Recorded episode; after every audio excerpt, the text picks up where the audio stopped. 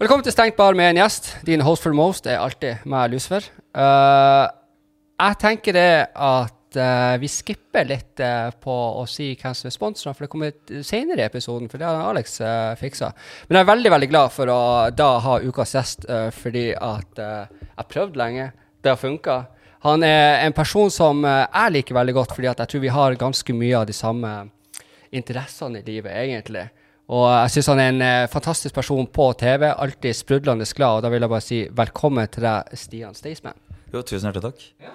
Vi, vi snakka litt før her eh, nå at vi har tvangstanker og sånn, så begge to. Så det er, det har vi, det er en god start. Det, det er det. Bare gå rett på der og rett på pilsa. Så er det bare å si Vet du hva, det er nydelig. Og det at jeg har fått servert pils i tillegg, det er liksom Skål.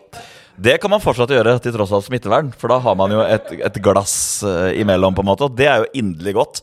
For Det nytta ikke å komme her. Jeg vet ikke om dere har det sånn. Altså hvis vi kommer et sted og ikke kan handshake Det, føles så insane feil. Det gjør det. Ja. det og i hvert fall jeg som er nordnorsk. Vi er, altså, vi, vi er vant med å klemme hverandre ja. og liksom være sånn ordentlig sånn tett på. Og nå så, så, får jeg bare sånn Så blir det sånn rar alltid Hvordan skal jeg, skal jeg Det blir sånn halvveis sånn boksekamp med never ja. og bare du, du, kommer jo brått opp i sånne ekstremt kleine situasjoner. For at du, du har litt sånn fellesgreie. Det blir litt som om jeg, når jeg på hver gang møtes nå skal, eh, For der var vi jo alle tar test og sånn, og vi har jo samme kohort, så vi kunne ta og klemme på hverandre. Eh, helt nydelig. Men det er litt det samme med Hakim, da. Fra Oslo øst, liksom. Fra blokkene. Og så kommer jeg, da hviteste mannen i Norge fra, fra et, liksom en helt annet sted, eh, og, og vi skal ta en handshake. Det er også lett for å bli jævlig kleint. Han er litt sånn greia, liksom. Han har jo i blod, ikke sant? Men, så kommer jeg, og så, og så blir det sånn derre det, det føles så sykt unaturlig ut. og så prøver jeg etter beste evne, selv om jeg pusher 40, liksom, å være litt kul, da. Sånn som han er. Og så faller det jo fullstendig igjennom. Så litt sånn er det nå i koronatider. Bare med alle? Ja, hele tida. Ja. Nei, det, det, det, blir litt kleint, altså. Men jeg tenkte jo det at uh, Det andre er jo det at vi er jo usedvanlig jævla glad i pils, jeg og du. Mm. Sånn, og vi prata litt om det, at vi får faktisk drikke på jobb. Og det er jo en skamdeilig ting. Ja, vet du hva. Det var jo en eh, sånn runde jeg måtte gå med meg sjøl en gang i tida. Hva er jeg god på? Eh, sove lenge på morgenen. Drikke øl. Det er jeg god på. Og da OK, musiker, da. så får vi prøve å bare gå all in på det, da. For det var dem ting. Og så gikk det, da. Så nå kan jeg drikke øl på jobb, og det er jo helt fantastisk. Ja, jeg har samme greia, men jeg er ikke noen musiker. Jeg har, jeg har det beinet i meg, så jeg tenkte jeg er flink til å drikke pils, sove seint og prate skit. Da blir det podkast. Ja, helt fantastisk! Og det, det, tror jeg faktisk, uten at vi skal øh, kanskje øh, si til alle ungdom der ute at det, å, finne Men det det handler om her, er å finne, finne de tinga man Å jobbe med de tinga man er glad i, og, og liksom få den friheten til å gjøre og drikke øl på jobb for oss, da, som er så glad i øl. Helt nydelig. Hvis du er glad, jeg tenker sånn, hvis du er glad i å løpe Finn deg en jobb da som treningsinteressør eller et eller annet sånt, for da, da, kan du gjøre det hele tida. Ja. ja. det er litt det samme vi gjør.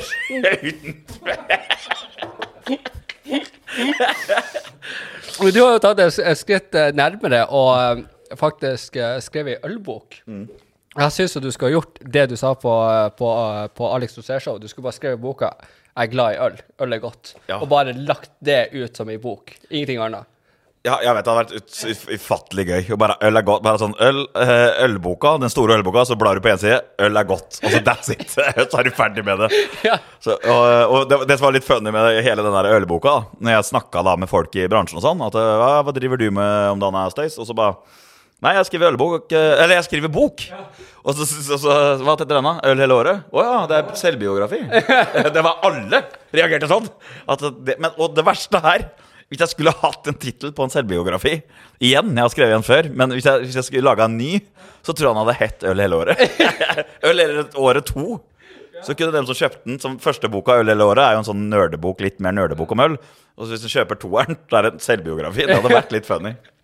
Men har du funnet ut uh, hvordan Sånn så som jeg er jo da uh, Guinness-person og uh, turbopils, mm. som jeg bare må vise for at den feteste liksom, sånn mm. boksen som er. Og jeg syns turbopils er skamdeilig. Ja, og nå syns jeg det er Jeg synes det er veldig godt. Eh, jeg kom på nå at jeg har drukket det før.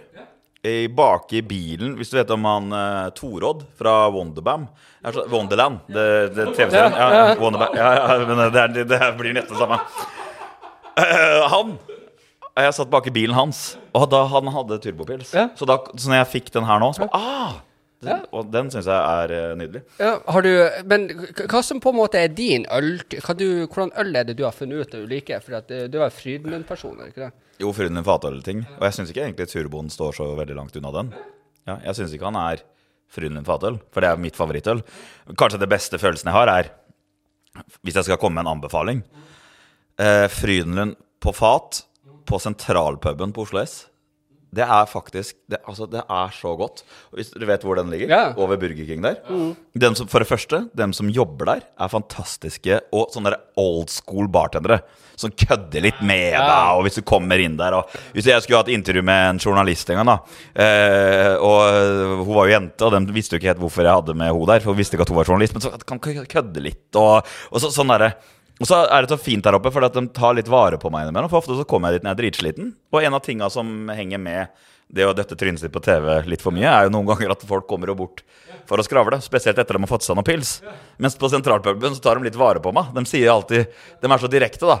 Han ene bartenderen der oppe sa til en fyr en gang som prøvde å komme bort og så bare Du, kompis! Hva er det du driver med nå? Jeg sitter jo der med headset i øra og hetter på. ikke sant? Jeg, vil jo være alene borti en krok og bare kose meg med pilsen min. Men jeg hører jo hva som skjer, for jeg har ikke på noe musikk. Jeg bare har på headset for at det ikke Ja, jeg bruker Jeg- samme taktikken. ja, det er jo kjempelurt. Og så, og så hørte jeg han sa Du, kompis, hva skal du nå? Ja, nei, jeg skal bort og snakke litt med han der eh, Staysman. Og så, jeg, og så ser jeg på fyren. Hører jeg ikke sant? Ser det ut som han har lyst til å snakke med deg nå? Og da, måtte jo, da sto han der med ølen, da. Så jeg titter liksom opp i øyekroken der, liksom. Så ser, så, så, ser jeg liksom han går den runden. Nei. Det er faktisk en veldig god pell! og, så, altså, så gikk det, da. Men jeg liker den, for det er den old school-greia. Pluss at jeg lurte på Jeg trodde at det var at jeg var sånn der, At jeg var alltid så sliten jeg kom dit, så jeg trodde ølen smakte ekstra godt pga. det. Men så spør jeg dem, da. Hvorfor er ølen så god her? Hver gang. Og, det, og så fikk jeg en sånn lang tirade med hvordan de vasker ølglass, og hvem rutiner de har på gass og sånne ting. Det er viktig. Ja. Og da skjønte jeg at det var jo ikke tilfeldig. Nei. Og det sa han jo sjøl, han Ja. som en som jobber der oppe. Shout-out til Frank. En jækla fin fyr. Og han fortalte meg det her, og han, eh, siden han nøla litt på det, så var det liksom bare et fåtall av steder i Oslo som faktisk gjør det ordentlig. passa på Ja. at ølen skulle smake godt. Nå sklidde vi ut nå. Nei, Nei, vi nei. på øl! Ja, vi, vi Ja, er på øl, ja, er vi, vi, vi er på en bar. Nei, men jeg er helt fordi, altså, Jeg er jo vokst opp oppe i, oppe, i- Tromsø, og det var når Mack var i Storgata, liksom, bryggeriet, så jeg vokste opp på den lukta når jeg driver på og brygger. Og for meg, jeg har jo den rareste tatoveringa her, med Tennessee whisky, men det står Mack over. Å ja. Å, det var fin. Har? Jeg har jo øl. Har du? Ja, øl. Skal vi se. Nei, hvem side er den på nå? Husker du ikke hvor jeg har den med? Der. Ja, ja, ja, ja. Nydelig. Så altså, hadde jeg tenkt å ta den uh, Mack-bjørn inni handa her. For Ja, at- for da alltid har en makk i handa. Ja. Så, men, men så satt jeg og prata med han, eh, han, han, han onkel P, da. uh, og så sier jeg jeg blir så fullsjuk hver gang. Så ja, men det er makken. Du drikker bare makk. Det er derfor du blir fullsjuk. Så jeg måtte kutte ut makken, for jeg blir så jævla fullsjuk da, eh, altså, altså dagen etterpå. Makk er den beste øla i mitt hode. Ja, Men blir du av, av den der varianten nå? Isbjørn? Ja, ja, isbjørn, ja. ja. Hæ? Er det den du blir? Ja, ja. ja. Så jeg blir superfullsjuk av den, så jeg kan drikke den når jeg liksom vet at jeg ikke skal gjøre noe på de neste to ukene. liksom. Ja. Da, da kan jeg ta og drikke meg full på, på, på isbjørn. Men, det jo, men, eh, men jeg syns jo det er den beste øla. Nå savner jeg isbjørn. Ja.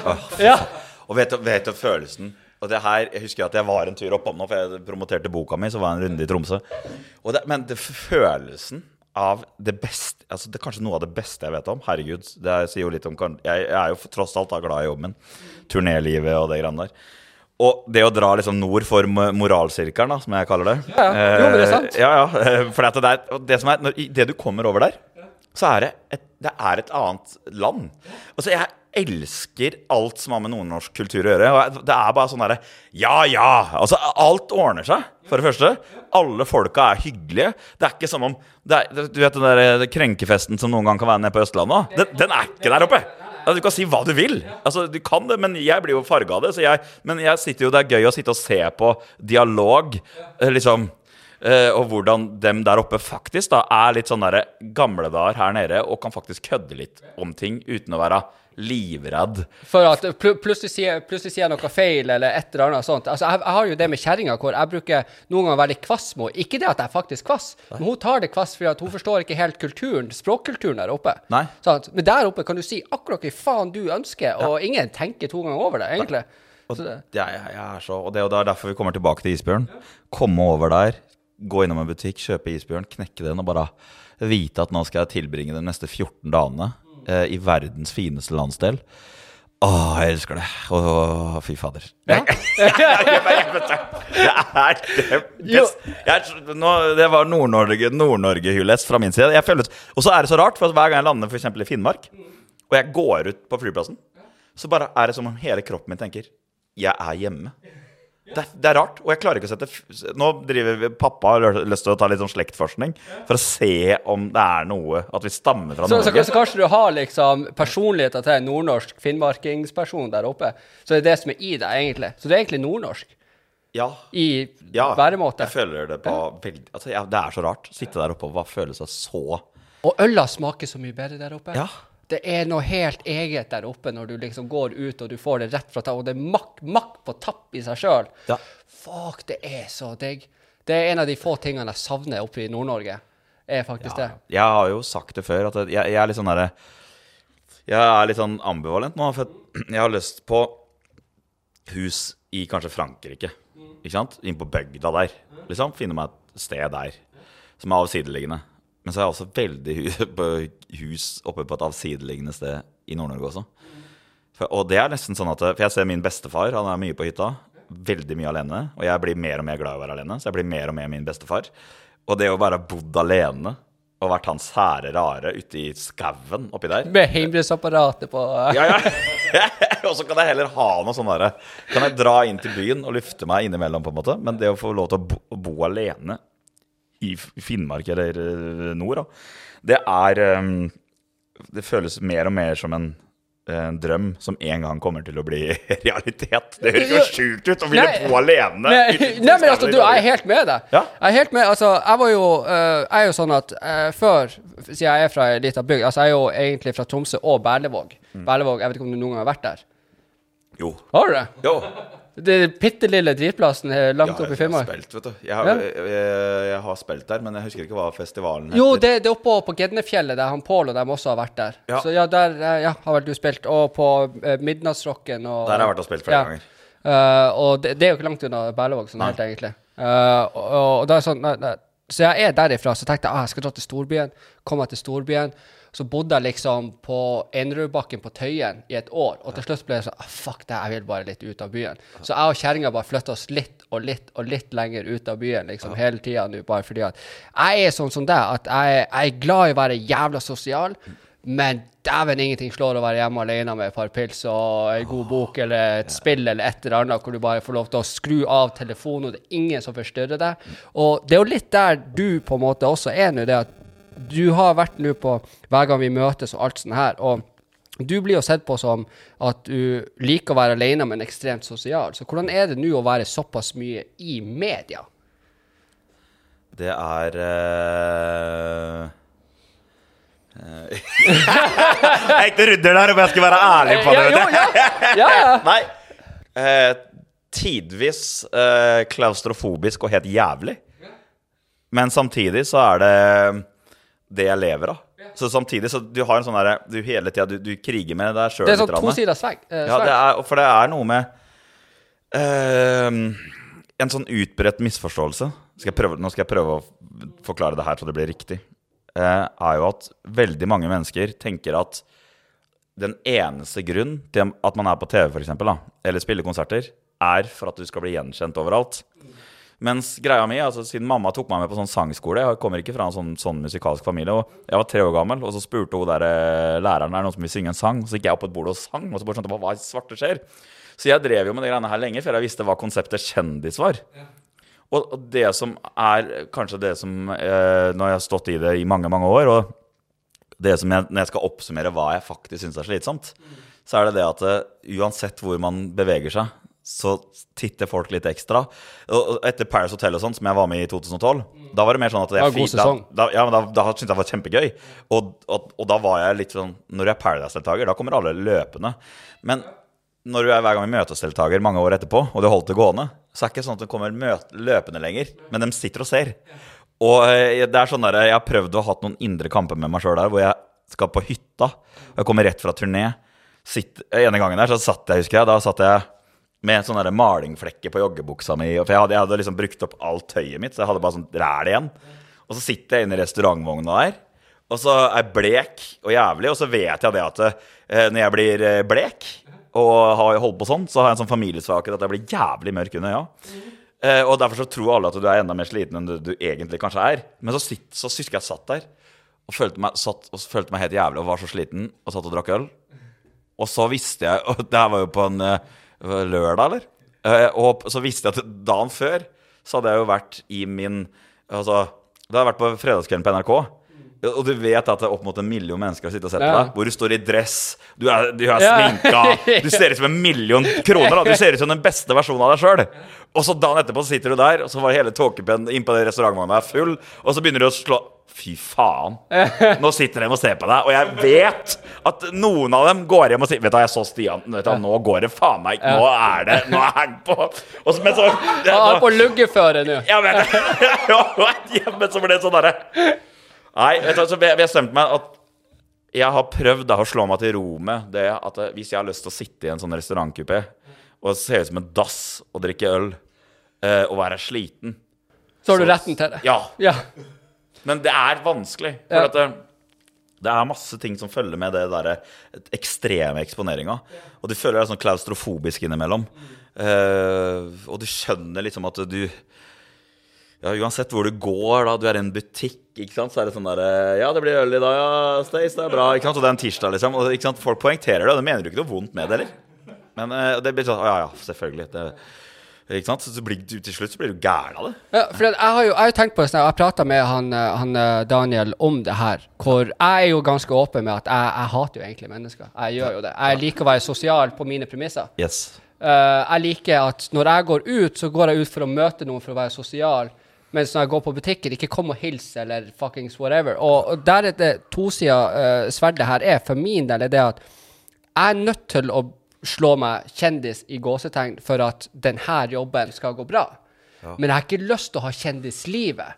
Nei. Jeg, jeg har ikke lyst til at folk skal komme på gata til meg og bare sånn Hei, du, jeg hørte Ja, jeg bryr meg ikke. Fint, flott. Jeg setter pris på det. Men akkurat nå så vil jeg bare gå i skauen og ta meg en sånn skyggerunk alene, liksom. Bare la meg være litt i fred. Sant? Og det, det, det er den der som jeg har litt sånn eh, sånn kamp i hodet på meg. Skal jeg gidde å prøve å bli så stor at det livet kommer til meg? Men jeg må jo nesten det for at det her skal gå bra. Ja. Sånn? Så det er liksom Du, du, du selger sjela di litt, og friheten din litt, fordi at før Altså, jeg er jo kjent for å ha gjort mye galt i mitt tidligere liv.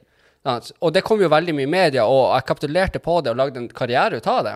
Eh, men så er det at hvis jeg gjør det minste feil nå, la oss si at jeg er litt heslig på fylla, så kommer det da på Dagbladet. Har jeg lyst til å gå dit, egentlig? Det, det, så det, jeg har den kampen, liksom. Og derfor er det veldig interessant å prate med sånn som eh, folk med, som deg og Daniel og Adrian og alle de her, som faktisk har den følgebasen hvor du har egentlig ikke råd til å gjøre så store feil ute i det offentlige før det bare eksploderer. Og det må jeg tro at er trøkk, en eller annen pass på noen. Det blir litt vanskelig da, Det er å- eh, følelsen av eh, Jeg prøver å si til folk liksom at eh, dem som har lyst til å gå inn i det eh, gamet her, da, og liksom gå all in for det Altså, tenk deg, altså, med, Da kan jeg liksom bruke det som et eksempel. da Tenk deg alle gangene du har våkna opp, og så har du fylleangst for at du har vært bajas på byen. Prøv det samme når du vet at alle mennesker som er på byen, har sett deg. Og og, Og og filma. ja, ja, og filma òg. Og det er liksom sånn der, For det, det er jo unektelig et faktum. Jeg vet jo åssen det er sjøl. Hvis jeg sitter inne på et utested og shit, der kommer Jon Almaas. Ikke sant? Alle ser jo på hva som skjer. Og, og, og derfor så vet jeg det er sånn. Og jeg vet åssen folk snakker. Av egen erfaring òg.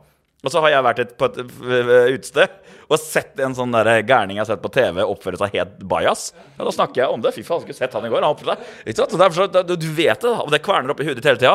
Og det samme er samme, bare det å være med på realityshow. Det jeg prøver nesten å si noe av det samme til dem som har lyst til å være med. Ta uh, og Se for deg den verste siden dine.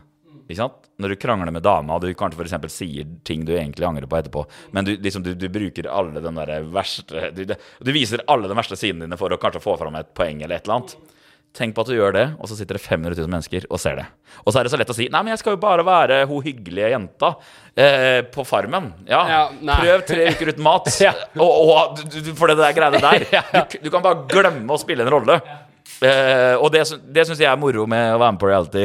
Jeg slutta jo egentlig etter Farmen. Eh, og reality, du kan jo se hver gang vi møtes, kanskje det er litt reality, da. Men allikevel, så Det var jo litt moro på slutten der, hvor jeg skjønte liksom at folk kom inn som ikke hadde vært med så mye før, hadde en sånn tanke om hvordan de skulle fremstå. Og så sitter jeg der og har vært med før. Og jeg vet at jeg er en konfliktsky jævel, så jeg, jeg blander meg ikke opp i så mye. Av, fra naturen, Uansett om jeg er full eller ikke.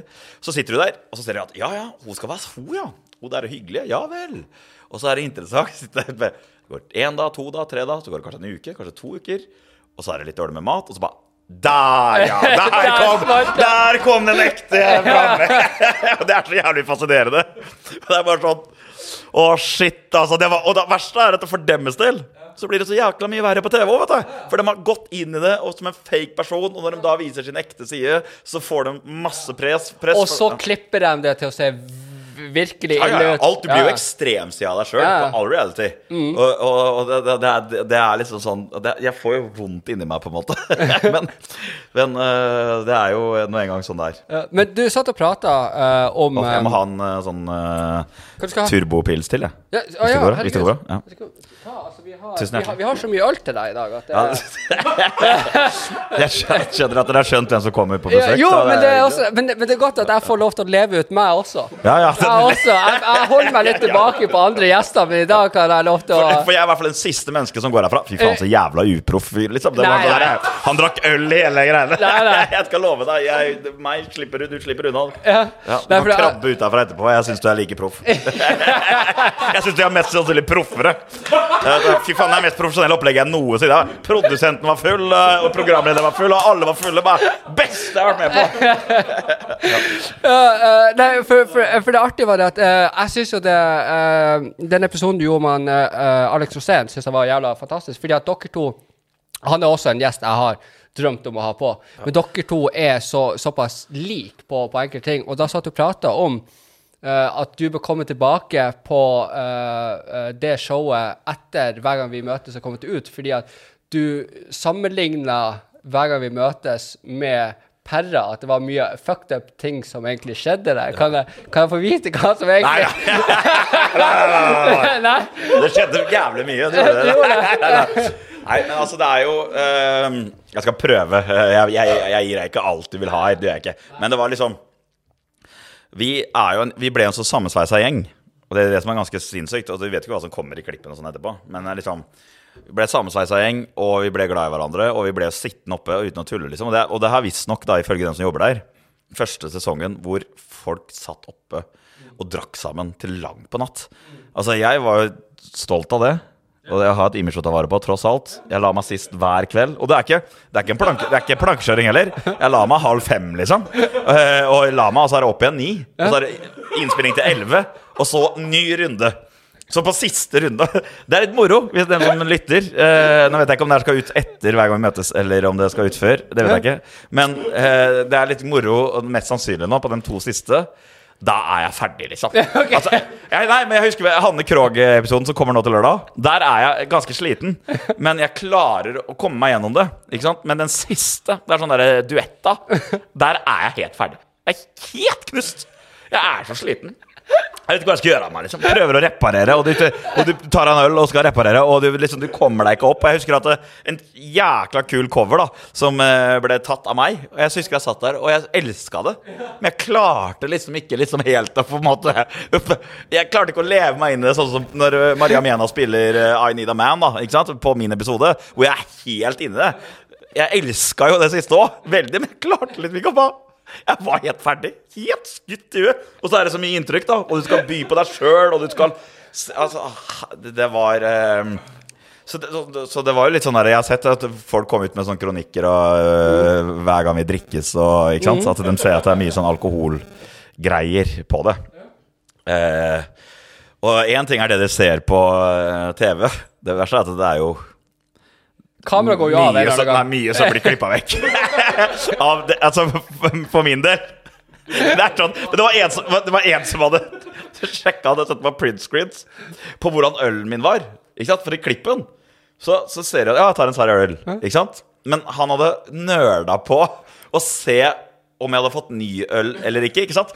Så han hadde tatt print screen, full øl, og sånn at tatt print screen, ikke sant? mest sannsynlig den samme ølen var tom. Og så hadde han tatt print av full øl igjen. Så han har prøvd å, han har prøvd å time hvor mange øl jeg faktisk drakk. og det var mange. Og det var sånn der, for, for du så jo det at det var ikke noe, det var ikke noe kontinuitet i pilsen. Så, så du kan klippe vekk at jeg sitter og kanskje drikker, Ja. men du kan ikke klippe vekk kontinuiteten i pilsen. Nei. Så den bare Ok, der var tom. Ok, da setter vi en strek. Og der var tom. Der var tom igjen. Setter en strek. Jeg tror jeg bare gjør sånn her. Jeg gjør det. Jeg bare, jeg bare gjør det. Så har vi en til sekser der og sekser der, så det går fint. Så, men jeg syns jo det at det, det er jo, vi er jo en lass av voksne mennesker som sitter inne på gården der. Og det var jo ikke Det jeg syns med spesielt det som var nesten litt provoserende, var at folk på en måte med uh, Hakim Han drikker jo ikke. Og vi hadde jo uh, snakka med han om det. Og han har jo venner og sånn, han, som drikker. Han har bare tatt et valg at han ikke vil det. Og det var ikke noe, Han så ikke på det som noe dramatisk heller. Men så var det litt at det var noe sabling av champagne som en aktivitet der. Og han var ikke der. Men det var jo Altså Folk trodde liksom ikke at han var Altså, han kunne fint vært der, han. Men det, det er jo det at vi, bare, vi spiller jo inn litt forskjellige ting her og der. Så alle kan ikke være med på alle aktivitetene. Så det var så rart for meg å se at det skulle bli en debatt. For jeg syns det er litt sånn Eller teit å pålegge eh, Hakim noe han ikke var.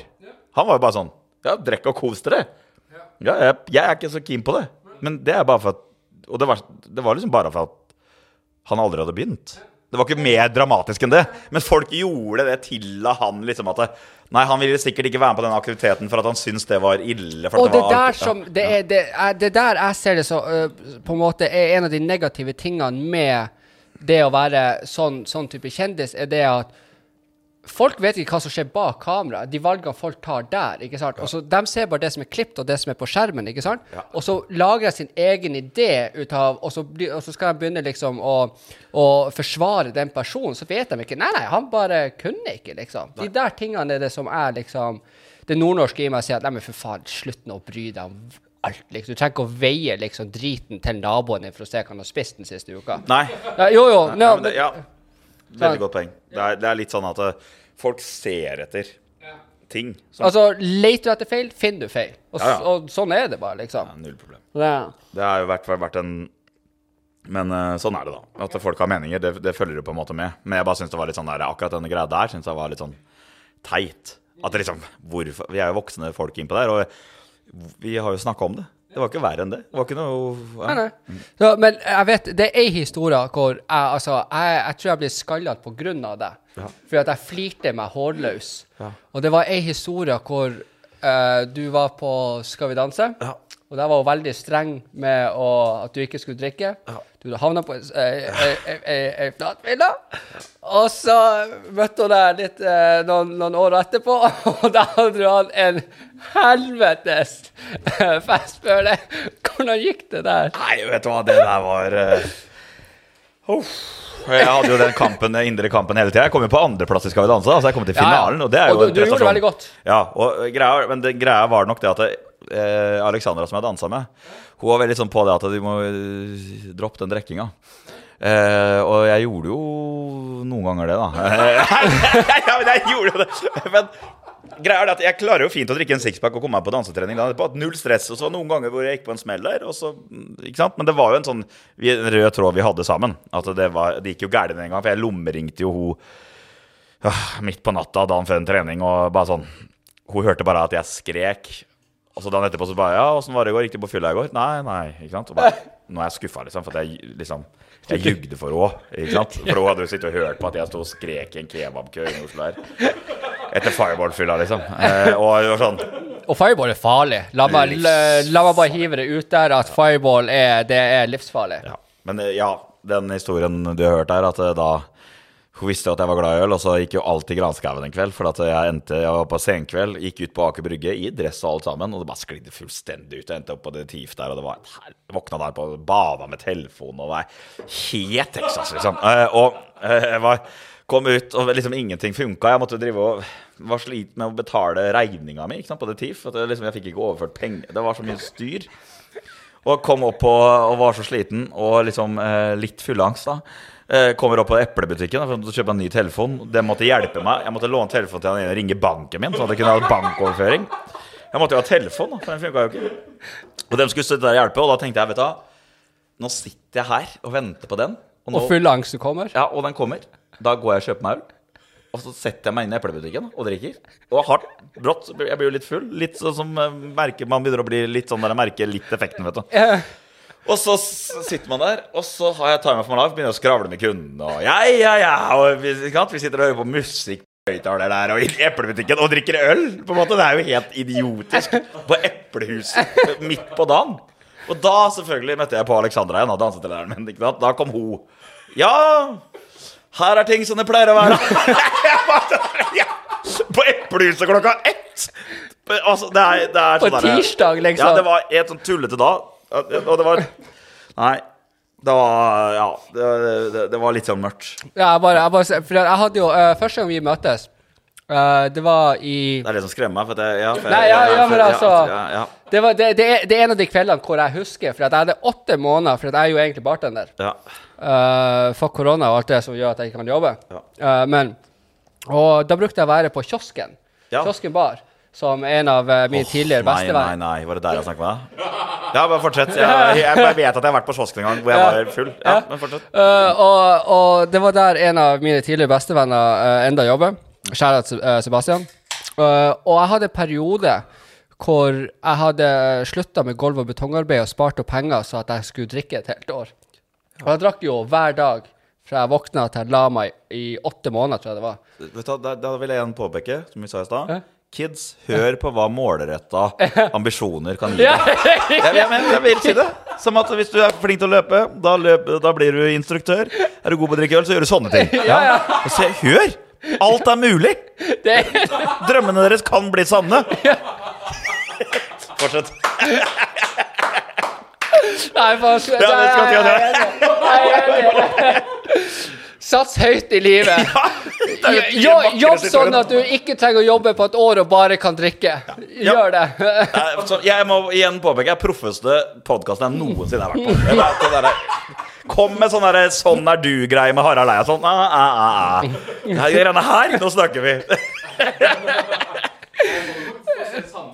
Ja, ja, ja, du gjør, du gjør det. Ja, ja. Men så, og så bare må dere klippe vekk alt i morgen for at jeg har fylleangst. Nei da, jeg tuller. Nei, men, og da, da, hadde, jeg- da hadde jeg liksom eh, For vi brukte å være der fordi at eh, eh, de hadde rastepus.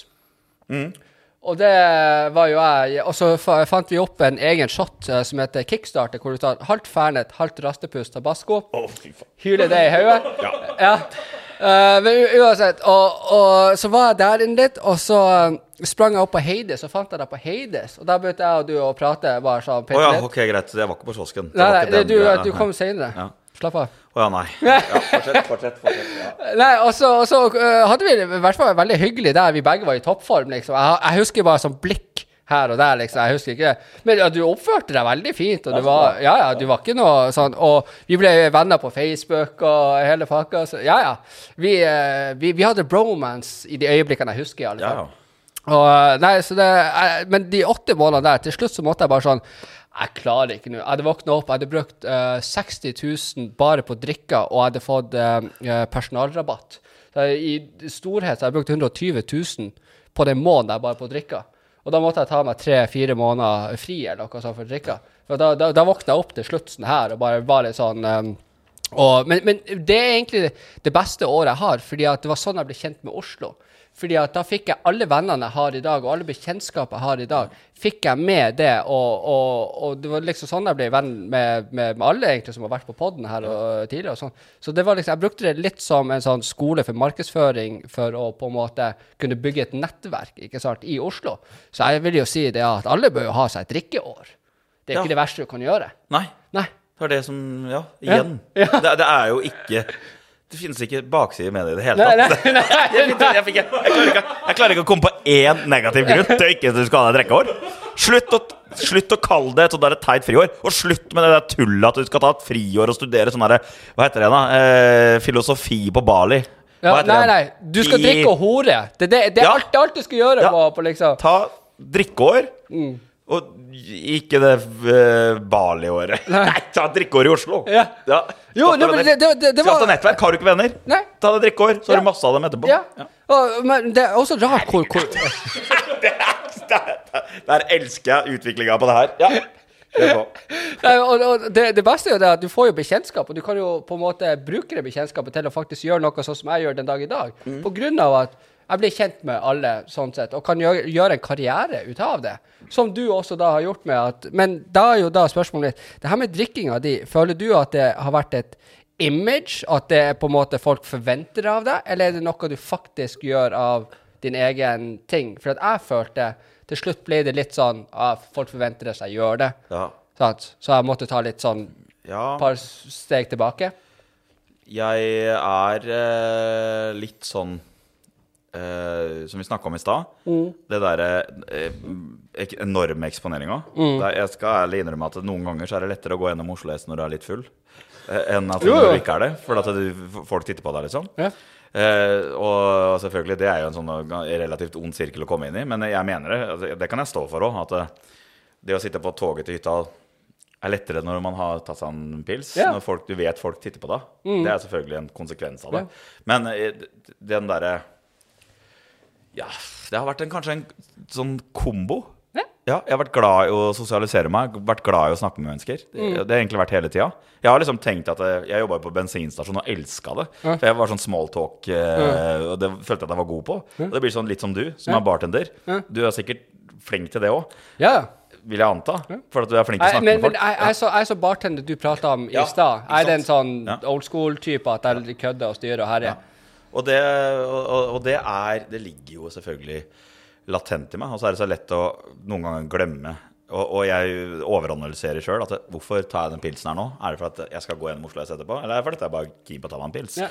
Det er jo greia. Så Nei, altså, jeg tror nok det at eh, man har levd ut eh, det imaget i veldig høy grad. Ja. Og, så er det noe med det at eh, jeg har prøvd å eh, jeg, jeg har spilt på noe som heter Norges bygdeungdomslag, f.eks. eksempel Mm. hvert år. Uh, ja. Har du vet hva det er? Ja, nei, men det, jeg elsker jo det stedet. Og jeg er så glad i hele den kulturen der. Og jeg elsker Det er galskap når jeg spiller der oppe. Eller på dem, dem flytter jo et nytt sted hvert år. Yes. Eh, og der kom uh, Toretten. Ja. Men bra. Eh, og eh, da sa jeg liksom valgt etterpå konsert gå og dusje, og så blir jeg med ut i campen. Ja. Og så fester jeg med folk. Ja. For det er jo det som er jo det ekte med det her. Altså Hvis jeg er på Treungen-festivalen ute i Telemark, fantastisk bygdafestival liksom med 30 000 mennesker og sånn opp mot det. Så det liksom, da har jeg Jeg er i campen fra Mm. onsdag ut og fester med folk og går på konserter. Og prøver å liksom bite i meg at ok, det er slitsomt, men Mm. samtidig veldig fint å møte kjernepublikummet sitt. da Og den beste måten å møte kjernepublikummet ditt på, det er jo på festival og Ja. bare gå ut og drikke. Og det føler jeg også er hver gang jeg gjør det, f.eks. på Treungen, eller. Bygdeungdomslaget, eller hvis jeg er på Tydalfestivalen, og, og jeg går ut, så føler jeg at det, det, det jeg opplever, er at det, det er jo ingen artister som gjør det. Mm. Og jeg har gjort det over tid. Og så jeg måtte trappe ned litt. For i starten så gjorde jeg det til hver jævla gig. Det var sånn 150 gig i året. Og så var jeg ute i publikum hver gang. Ja. Og da blir Og så skal alle spandere pils og shot og Ja, så må du hive deg på. Ja. Og, og, så, så da, men da ble det jo en sånn greie som jeg gjorde, og som jeg vet folk satte pris på. Mm. For jeg vet jo folk dagen etterpå Fy fader, så kult det var, liksom. Herregud, her var vi og så på uh, Staysman ved headlina Tydalen, liksom. Mm. Og så er han ute på festen etterpå og ø, kommer innom og kanskje synger oppå uh, godt stekt pizza som de har på anlegget der, liksom. Så bare heller bare gå all in, da, og sosialisere meg. Men ja, og så har du um, um, den derre noen ganger hvor jeg har syntes det har vært slitsomt å si at jeg har vært ute for å ta meg en øl med en kompis, og så kommer en gjeng. Eh, og så istedenfor å si til den gjengen kanskje at eh, vet du, det her orker jeg ikke nå, Ja. så har jeg tenkt sånn OK, så hadde jeg egentlig ikke tenkt å drikke. Så kjøper jeg noen T-shots, Ja. og så ble jeg Ja. med på det. Ja. Men jeg, jeg har blitt de siste åra flinkere til å si ifra at. Vet du hva, nå sitter jeg her med en kompis. Vi skal bare ta et par øl. Hyggelig å hilse på deg. Vi tar bilder. Ja. Men nei, du kan Nei. ikke sitte der. Nei. Og jeg prøver det for ikke at det her skal spise meg opp. Nei. Og det er litt sånn vondt. For at jeg skjønner kanskje at det er vanskelig for noen å forstå det. Mm. For de sitter og ser på TV, de har et inntrykk, ikke sant. Og så har de drukket seg litt opp sjøl. Mm. Og så føler jeg så jævlig på det, men samtidig så er jeg Nå er jeg der Mm. at hvis det Hvis et høflig avslag Mm. At du kan ta bilde, og uh, det var hyggelig å møte deg, Mm. og du tar bilde Hvis det, og jeg avviser at de kan sitte seg for eksempel på bordet Hvis det sørger for at de ikke liker meg, Ja. da tenker jeg da får det bli ut, ja, ass. ja, ja. Men, du kan jo ta liksom parallell, uh, parallell på det der med Det blir litt sånn som de, de, de, de, kvinnfolka som går ut på byen og bare vil ha en jentekveld, så kommer det alltid masse gutter som skal prøve seg.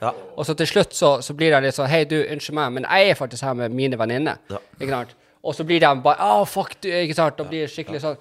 Men noen ganger så må du bare kunne skille privatliv og på en måte når du er på jobb. Du er ikke på jobb de timene. De kvinnfolkene kanskje eh, har type eller bare eh, eh, har lyst til å være, være i fred. Sant? Og man skal ikke egentlig gå rundt med dårlig samvittighet på det, men jeg vil tro at det er jo ganske sånn tungt og kanskje litt sånn ah, faen, er, jeg føler meg litt frekk nå for å på en måte avvise noen. Eh, men du må jo bare kunne skille det, liksom. Jeg prøver, og i hvert fall det har blitt bedre. Altså, Ja. Mm. Hvis jeg er på hytta, for eksempel, da, hvor jeg er alene Jeg drar opp et sted på en tidspunkt ofte For å være alene. Ja, og for å være alene. Og hvis jeg da går tur, da, så må jeg kanskje innom hovedveien. Ja. Og da er det noen som ser deg, ikke sant. Og da hender det at det kanskje noen stopper bilen og greier, og så får de ha to unger i baksetet og sånn. Og da, og da selvfølgelig, de skjønner jo det at det, er det et tidspunkt det passer på, så er det jo der. Men jeg sier jo da Nei, sorry, det passer ikke nå. Nei. Og det føles jækla vondt. Ja. For de kjører derfra. Altså, hvorfor passer ikke det nå? Han er Ja. midt ute i ødemarka her og går. Altså, Ja. Men jeg, jeg må, for å ikke bli gæren, tror jeg, jeg må gå der. Ja. Og jeg må si nei til det når jeg er på hytta for å være alene. Så da må jeg få lov til å styre det sjøl. Ja. Ja, jeg kan dra ned på Vinstrabrått Ja. og ta meg noen øl og begynne å skravle med folk. For at da har jeg forberedt meg på det. Men ute på den turen min, så klarer jeg Da, da må jeg si nei. nei. Ja. Kan jeg få en uh, turbopils her uh, en annen plass? Ja, det ligger borti her. Ja. Ja. han, mm, produsenten her, han har skjønt greia. At han, Ja, ja, nei, han, han- med, mest, Nei, det er- skal vi ja, skal vi ikke Skal vi undergrave produsenten? Da, fy faen, nå begynner han å bli ordentlig full. Nå må du roe deg ned. Nå må du så, Ja, nei, du, jeg har, jeg har liksom sånn Jeg får, jeg får liksom eh, kjeft fra kjerringa noen ganger. sånn Hvem er det du skal ha i dag? Så kan hun kalibrere seg på hvordan form jeg kommer hjem i. Og det liksom Og så og, Jo, jo, men det, det, var, det vært liksom en gang eh, en annen, For jeg har noen gode venner som er i et sånt punkband som heter Life Lessons. Stor, stor skjæra til dem. Og hver, hver gang jeg lammer dem, så sier hun bare sånn Du, kan ikke du sove borte i natt? Fordi at du kommer Ja. hjem og plager drit ut av meg. Enten kommer du vårkåt hjem, eller er du supergodt humør, et eller annet. Kan du sove borte i natt? Jeg vil bare Jo, jo, jo. ja, for hva, hva må være verre, liksom? tenker jeg Ja, da. At, at du ligger hjemme litt trøtt, og så kommer det en sånn eh, kåt fyr på overtenningen som bare stinker sånn uh, Hva er det du kalte det? Rasputz eller noe sånt? Ja. Der, eh, noen sånne shady drinker fra byen, og bare sånn OK, greit, det her orker jeg ikke. Jeg har det sånn sjøl, Ja. med kjerringa. Sånn, uh, det, er så- det er så jævlig funny hvordan jeg, hun liksom Veldig respekt med alt jeg driver med. Ja. Og liksom alltid vært Aldri sagt nei, liksom. Og sånn derre Men hun, hun er veldig på det der at det, Kan jeg ikke bare være ærlig på ting? Og det er sånn her, Når jeg kommer, da, sitter jeg på Ja, hvor er du, da? Ja, jeg sitter på sentralpuben. Ikke sant? Og da, da vet du allerede at det, her- det her kan gå alle veier. Eh, ikke sant? Og så i tillegg da, så er det sånn at jeg rekker ikke toget hjem. Sånn at jeg, uansett så har guttungen lagt seg når jeg kommer hjem. Ja. Så jeg, det toget har gått. Jeg kan Ja. ikke si natta til han. Nei. Og da er jo huet mitt ikke sant? Så sitter jeg der, og så sier eh, Nei, jeg sitter på Jeg tar neste tog, liksom. Ja vel. Og så sier jeg en time etterpå, og det her har skjedd mange ganger. Nei, jeg, tar, jeg rakk ikke det toget, jeg tar neste. Og så da, da nå, Hun har bare slutta. Hvorfor, hvorfor holder du på sånn, sier hun. Hvorfor kan du ikke bare si at du enten kommer i morgen, eller at du kommer med siste toget, eller raser inn her klokka fire med en taxi? Altså, Hvorfor kan du ikke bare si det? Altså, Alle vet utfallet. Hvorfor sitter du på sentralpuben i Oslo og ljuger for deg sjøl? Og hver gang! Jeg hadde det der i forrige uke, hvor, hvor, hvor jeg sendte meldingen eller ringte og så sier jeg, du, jeg tar siste trikken hjem. Og hun bare sånn Ja, OK. Og så hadde siste trikken gått, og en time etterpå ringte hun. Ja, hvordan går det? Så sier jeg nei, jeg, jeg skal ta siste trikk. Hun var sånn Det er gått for en time siden. Jeg var sånn ja, nei, men jeg blir her, da. Det var sånn, Hvorfor gidde? Bare la det være. Og det kommer man så mye lenger med. Ja, men, bare men- egentlig vært ærlig på det. Men med all kreds til kvinnfolka våre som faktisk takler at vi, vi, vi, vi, vi er glad i pils eller tid, liksom. Det, det, det, det er bare sånn Ja, fuck it, you do you, boo. Så, så lenge du ikke gjør noe idiotisk, så bare gjør det du trenger, liksom. ja. Og det er jo bemerkelsesverdig at noen har den egenskapen, at noen klarer det. Jeg hadde, hadde, hadde ikke takla meg. Jeg hadde ikke takla å være i lag med meg. Nei, ikke jeg heller! På ingen måte. Jeg mener at du, du, du må ha et lite psykisk problem hvis du orker på en måte å, å, å være sammen med opplegget her. Det er- sykeste Her er der kjerringa er i dag. Og hun var på telefonen, hadde handsfree på meg. Så går jeg ned i, i, eh, i sentrum, og så var det tre stykker som prøvde å rane ei dame. Så alt jeg hørte 'Hjelp, noen raner meg'. Alle gikk forbi. Alle gikk forbi liksom, de, de, de folka. Så jeg springer inn og tar tak i alle og kn- knebler dem. ikke sant? Mens jeg er på telefon med henne. Hun bare stoppa hele telefonsamtalen. Og jeg knebla dem, øh, og så kom vakta til slutt. Og så sier jeg 'ring politiet, jeg har kontroll'. Jeg hadde liksom, ja. Hvorfor var det ingen som sa til meg at jeg var her med Supermann? Ja, ja, ja. Jo, det, du, og, og, og, og du fikk video av det også. Ja, så det, her- det, her, det her er sant. Ja, ja, ja. Det, det, det er seriøst. Og, og jeg knebla, liksom, og så uh, vekteren liksom uh, ringte politiet. Politiet kom, og jeg gikk, og hun var sånn Fortsatte samtalen som ingenting har skjedd. Ja, uh, husker du det at jeg må ta og fikse bilen i dag? Sånn, det, var, det var som at ingenting det, det er ikke første gang det her har skjedd, liksom. Så det var bare sånn Det der er hennes tålmodighet på meg. Hun bare sånn OK, han er midt inne i en liten slåsskammer, prøver å redde noen. Jeg er stille nå. Og så bare prater vi som ingenting har skjedd. Ja, det, det er jo ja, fy fader. Ja, at jeg, jeg, som du sier, det er jo et bemerkelsesverdig at eh, folk orker. Men det er liksom en del av greia, da. Jeg vet ikke. Jeg er ehm, eh, Det verste er at jeg syns det er sykt digg å sitte alene og drikke øl. Og jeg, jeg mener å drikke øl alene Ja. er en sånn sinnssykt undervurdert ting. Ja. Sitte der surre litt, høre litt på musikk og Ja, ja. på greier. Og så, og så roter man seg inn på noe, og så bare ser man på noen gamle greier man har gjort. Så sitter du som et bare narsissistisk rasshøl. Brått og så er det bare Faen, skal jeg se en episode av meg sjøl på Paradise Hotel, liksom? Det er gøy! Ikke sant? Det er, det er det derre ellevilt. Men jeg koser meg! Jeg koser meg som juling! Jeg det er sånn. Men men hvor, er de, hvor er de artigste plassene du har spilt? For at du, du har jo, og det skal du ha, det Du har jo et vanvittig sånn live Du er jo så energisk på scenen, og du er liksom Og hvordan du er med fans og sånne ting. Altså, det er beundringsverdig hvordan du gjør det, for at det er ikke så mange artister som gjør det på den måten du gjør det. Du, du, du får liksom alle til å føle seg liksom sammensveisa. Og så går du ut liksom og er litt lam med dem, og, har sånn, men, og du lager et godt show, men hvor er liksom de showene i Norge hvor du føler at her, det her var liksom, det her var kult? Ja, vi var jo kanskje litt innom det i stad, med Bygdeungdomslaget, Ja. hvor, hvor de samler liksom De har jo sånne bygdeungdomslagfester over hele landet. Mm. Og så når de har det årlige treffet, så er det liksom en sånn allstar bygdeungdom, føler jeg, som kommer. Mm. Og gjennom tid, da Jeg har jo tatovert hele forbanna logoen deres på leggen nå. Eh, så har, har det blitt en sånn happening. Så det, nå er det jo sånn at det, det er ikke noen artister som blir booka dit, Nei. som vil spille samme da. For det er ikke noe vits. Nei. For det, det er liksom sånn Og det blir jeg så glad for, da. For at det er sånn Når de lanserer neste års bygdeungdomslag, så, så spør folk hvilken dag spiller Stace. ja. Og, da, og det blir jeg så glad av, da, for at det, det har jo blitt en sånn tradisjon. Ja. Og det ser jeg jo. Altså, Det er nesten nøtteløst for noen å komme inn der på den dagen og skal liksom spille Uansett om vi spiller Men- først eller om vi spiller sist, for å trekke folk inn. Men, det, men det må gjøre deg stolt. Det viser jo at du, du er flink i jobben din. Ja, jeg, akkurat det. Og jeg, jeg er jækla stolt over det at vi har klart å blitt Eller at man har fått såpass mange steder man spiller år etter år etter år etter år. Og grunnen til det er jo bare én uh, vært høflig da, mot dem som jobber der. Det er jo det viktigste Ja. som musiker. Hvis du begynner å være idiot, så er det Ja. kort vei til å ikke få bookinger. Ja. Eh, to, at man har levert hver gang. Og eh, tre, at man faktisk genuint er glad i publikummet ditt. Og det, det jeg får på Jeg får jo den samme feelingen når jeg spiller rundt omkring eh, i landet, men akkurat på den der landstreffet til Bygdeungdom bygdeung, altså, Nå klarer jeg ikke å snakke engang. tre- tre- tre- På landstreffet til bygdeungdommen! Så eh, Da føler jeg som jeg får hele gjengen samla. Ja. Og Treungen-festivalen. Det er eh, verdens eh, kuleste festival.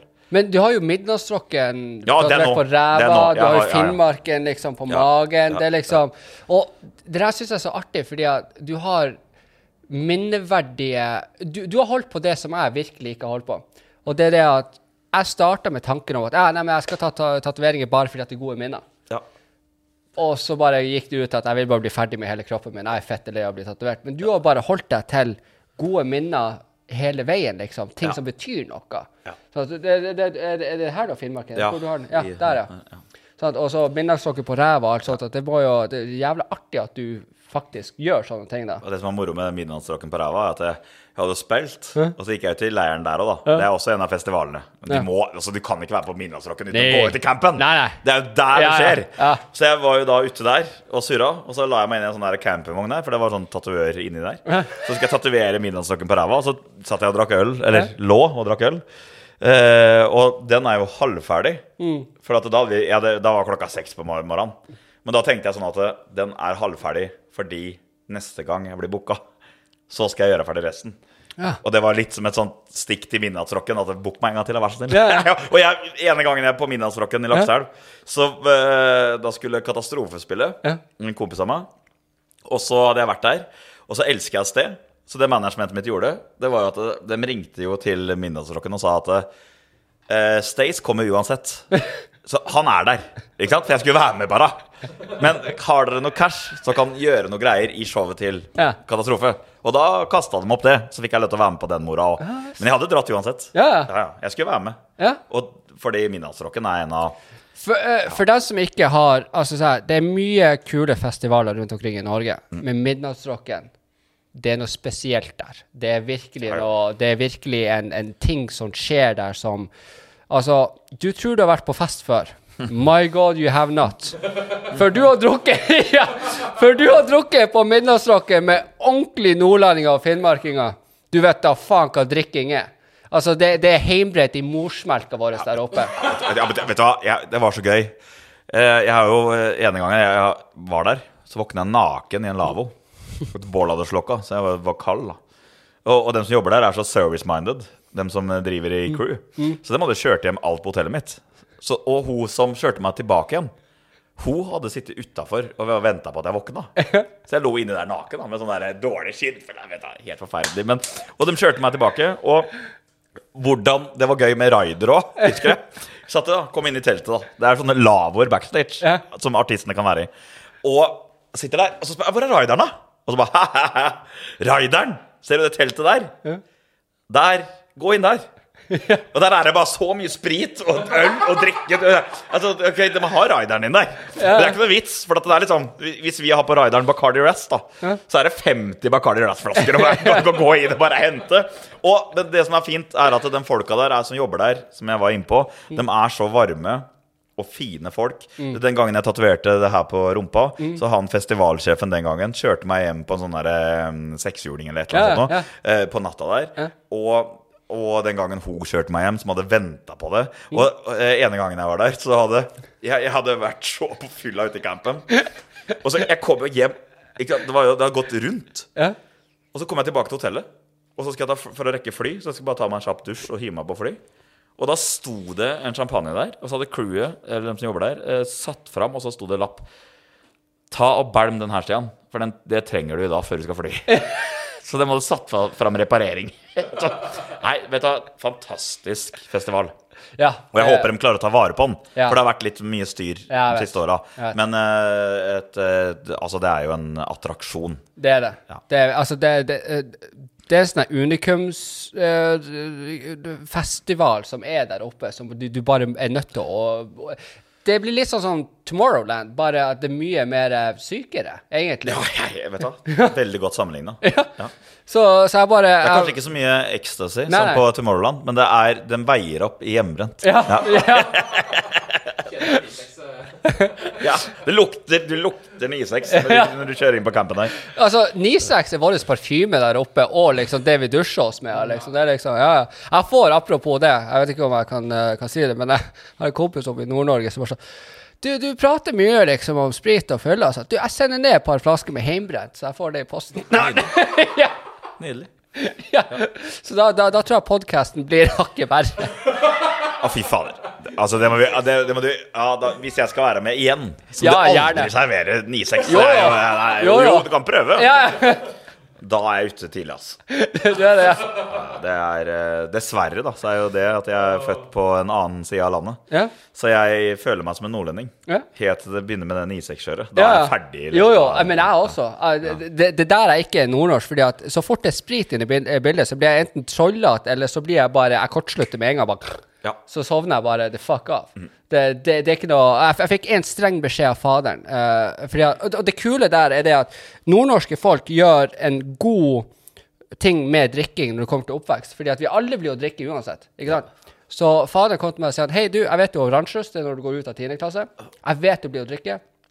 Kan ikke jeg heller kjøpe deg et par pils? Så tar du det på fest istedenfor at du kjøper noe hjemmebrent som er dårlig, eller what the fuck ever. Det, er- det er heller måten å gjøre på. Ja, eh, også som jeg har opplevd eh, der oppe, at noen har fortalt at eh, de har også fått hjemmebrent av Ja. foreldra sine. Ja. For at du da får hjemmebrent som de ikke har tulla med. Ja. Det er, Jo, jo. Ja, for det, det er bedre at de det, Ja, ja. ja, for at det da og for det, det er en fullstendig annen kultur der. Ja, det er det. Sant? Og, og jeg syns sy- og, og jeg ser liksom folk som, som er på Inst eh, Instagram, eh, Facebook og bare sånn Ja, men faen, ungdom, ja da, ja da. Sånn, men er ikke det bedre av foreldrene å faktisk kjøpe de pilsene eller what the fuck ever til ungdom, hvor de vet de får noe i seg som de er trygge på, istedenfor å springe ut fordi at du Det har vært uh, klasser der oppe som har blitt blind av dårlig, liksom. Det, det, altså, og, og det er ikke tull, liksom. Men å gå på en skikkelig heimbrygga fest i Nord-Norge. Fy faen, altså. Du, du, du, du går der nesten død fra fordi at du, er, du, du har drukket. Ja, og, ja, og det Jeg var jo på eh, tidlig Mm. i karrieren så var det en runde der oppe, og så ble jeg med på sånn privatfest. da Som Mm. hadde leid et svært lokale. Eh, og det var jo utrolig innbringende for meg, i hvert fall den gangen. Hvorav jeg hadde, for de hadde tatt cash i døra, så alt gikk til artisten. Og det Ja. var meg, da. Og jeg kunne bare drikke og kose meg. Det var ikke noe sånn press på meg Nei. den gangen. Jeg bare Vær med på festen, du. Og så, så sto jeg der og spilte. Og det var kjempestemning inn på det der greia. Eh, det her var i Finnsnes. Og så, så satt det en jente Finnsnes. Oh. ja, ja, ja, jeg satt en jente ja, Er det det? Ja. Da åpenbart jeg òg, for kona mi er derfra. Eh, mens sitter en jente på skuldra til en fyr. Jeg bare sånn Ja, hun har fått lov til å være med pappaen sin på fest. Jeg vet da faen Ja, hva jeg ja. tenkte. Ja, for hun så ut som hun var tolv år gammel. Ja. Og så fikk jeg så satt hun og drakk sånn derre Farris, da. Mm. Trodde jeg. eh, og så ga hun den da til meg, for at jeg skulle drikke det. Og jeg var jo tørst. Jeg hadde stått og hoppa en halvtime. Så jeg tar jo den da og setter den til kjeften. Og bare, altså, du hørte ikke mer av låta. For jeg klarte, jeg klarte ikke å synge mer etterpå, for dette var sånn Det var sterkt. Jeg skvatt jo så insane, for jeg tok den så er det slurken nå, ikke sant? Så det var ikke Farris. Og da, da husker jeg Men en ting som er forbilledlig, syns jeg, da som også er bra med Nord-Norge, da Husker politiet kom innom. Og de kom innom bare for å se at ting gikk bra for seg, og tok vare på folka der. Istedenfor å bryte opp, og folk skulle løpe sånn som det er på Østlandet. da Ja. Og folk løper i alle retninger, og det var jo kaldt ute. Og, det, ikke sant? og så De kom bare innom, og så ja, Ja. de, de brydde seg ikke om at, hvor gamle folk var. De skulle bare se at ok, her er det ikke slåssing. Her tar folk vare på hverandre. Her er det faktisk vakter som passer på. Ja. Ok, kos dere videre. Så bare gå derfra igjen. Ja. Og det tror jeg er på mange måter en rett måte å gjøre det på. For Absolutt. at, for at istedenfor å komme inn der som politi og skal dra det vekk, og så begynne å fengsle alle 16 Mm. års gamle mm. folk som er fulle, da tror jeg du egentlig bare skaper en, en eh, I hvert fall en, et dumt forhold til politiet. For Jo, det, ja, ja. Det, det blir som mamma Ja. Eh, som, eh, og pappa, som gjorde ting på litt forskjellig måte når jeg var yngre. Mm. At jeg var litt mer redd for å dra hjem til mamma, Ja. mens jeg var ikke så redd for å dra til pappa. Nei. Og den følelsen av å være full, og du vet at du kan dra et sted. Ja. ja. Jo, men det, det er den jævla viktig, den der. Og det sa faderen alltid til meg, at se her, nå uansett hvor full du blir, bare, bare kom hjem. Det, er- det er ikke noe stress eller noe sånt. Bare, bare, bare kom hjem, og bare, liksom ring meg eller bank på døra. What the fuck ever. Bare kom inn her, så jeg vet at du er trygg nå, liksom. Er, men faderen har det beste uh, trikset på å Han kan Det, det er en viss periode uh, hvor han blir lei av festen, og han gjør det beste i verden da. Han samler på surstrømning. Å ja. Ja. Ja. Uh, på, av én grunn. For at han er lei festen, så ringer han meg. Hei, du, kan du møte meg nede i, i, i døra om fem minutter? Ta taxi hjem. Jeg må bare hente noe. Ja, hva er det? Nei, i kjøleskapet så ligger det en boks med surstrømning. Kan jeg hente det til meg? OK, hva som skjer nå, pappa? Så, så kommer han nede, og idet han ser boksen, så ser du bare det onde smilet komme på den dritungen der. Og han er akkurat sånn som meg. Han elsker å liksom plage litt. Så da er jeg bare lei. Så går jeg på festen, går jeg midt inn i lokalet, åpner hele, og alle evakuerer området. Og da er det liksom slutt på festen. Han bare sånn Ja, nei, men nå kan jeg gå hjem. Men får du tak i surstrømming på Østlandet? Gjør ikke det? Nei, oppe i, oppe i nord. Jeg vet det. Ja, eh, Men jeg bare tenker på det, hvis du skal bruke det samme trikset her hjemme Det der, Men det er veldig dumt, da, sånn som jeg, da, som bor veldig mye på hotell i Oslo. Det er veldig dumt hvis du er på ditt eget hotellrom. Ja, ja, ja. Jeg bare sånn der, vet du hva? Nei, det her orker jeg ikke mer. Jeg henter en boks surstrømning, og bare bang! Og så evakuerer alle, men du må bli. Den der. Ja, Ja, ja. fuck you. Jeg fikk jo i bursdagsgave her for tre-fire år siden. Jeg fikk av tanta mi surstrømming som har gått ut av dato for to år siden. Så jeg måtte jo bare sånn Nei, men det her er gave til deg. Det, det er liksom sånn oh. Det er sånn idiotiting. Men da, men, men, men da er festen ferdig, i det minste. Du trenger å gjøre noe Altså, om noen slåss eller det er noe spetakkulært, åpne den opp. Ja. Det brytes opp ganske fort. Hvorfor er ikke Politiet sånn? Ja. Veldig godt uh, Tenk deg hvis eh, eh, utrykningsstyrkene i Oslo, liksom, kommer, Delta, kommer inn og bare sånn der, ok, her er litt kaos, her er det jækla mange kriminelle jævler, liksom. Det vi gjør, i stedet for å kaste en sånn røykbombe, så bare, og så bare kaster de inn surstrømming. Bare, slags sånn større effekt enn tåregass og alt som er. Gjorde jo I, I fjor så hadde jeg og um, en god kompis av meg Vi hadde sånn Dare um, Challenge. Vi hadde sett masse på nett og YouTube, alle skulle bli kjendis med å dare hverandre. Og vi tenkte liksom Ja, men Hva er Dare Challenge? eh, ja, eh, hvor, hvor jeg sier at hei, du må, Ah, du må danse naken i ja, whatever. Og så må du gjøre det, liksom. Du kan ikke si nei. Og, og jeg hadde den beste. Og den boksen jeg fikk av hun, um, av hun tante, hadde jeg enda. Så jeg sier til han, og det har jeg film på, uh, på Facebooken min, så finner du filmen enda. Hvor jeg sier at jeg deler deg til å åpne en surstrømning her inne på Oslo S utenfor Burger King. Og han gjorde det. Og han åpna opp der og satte seg ned og begynte å spise den driten. Og, det, og du ser bare hele området bare og, alle, og folk som liksom satt og spiste burgerne sine der. Og, sånt, oh, bare, oh. og jeg flirte meg jo fette jæl ut av det greia der. Men uh, det var Men Hva er det oppi det som gjør at det lukter helt sinnssykt? Uh, det er jo råtna fisk. Det, det, det er jo det det er. Ja. Eh, om, om, uh, og i Sverige, hvor det er en sånn jævla delikatesse, så må du åpne det. Du har ei bøtte med vann, så tar du under vannet, og så åpner du den der, ikke sant? fordi at lukta ikke skal gå noen plass. Ja. Mens vi idioter, vi, vi gjør det jo uten vann. ikke Ja. sant? Og det og det. Og har du, har du lukta det noen gang? ja. Ja, og du vet jo at det er jo, det er jo kjemisk eh, krigføring som er oppi der. Ja, jeg vet jo det. Ja. Det som er, for det som er tingen, at du Jeg som ikke er glad i makrell i tom, tomat, for eksempel. Jeg hater jo det òg. Og det er liksom, her er jo det ganger 90 000. Ja, ja. Så det er nesten fascinerende at det går an. At det lukter så ille.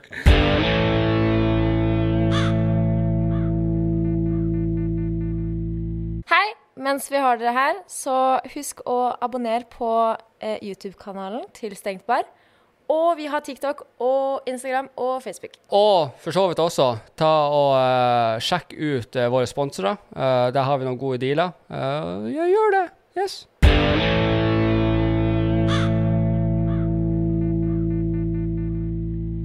Men eh, ja, eh, du Og har da du, tenker jeg at den som spiser det, må være gæren. Ja, det, det må jo være. Men uh, nå har du vært på alt fra Skal vi danse, Farmen og Perra og hver gang vi møter Altså, det, det er så mye nå. Ja.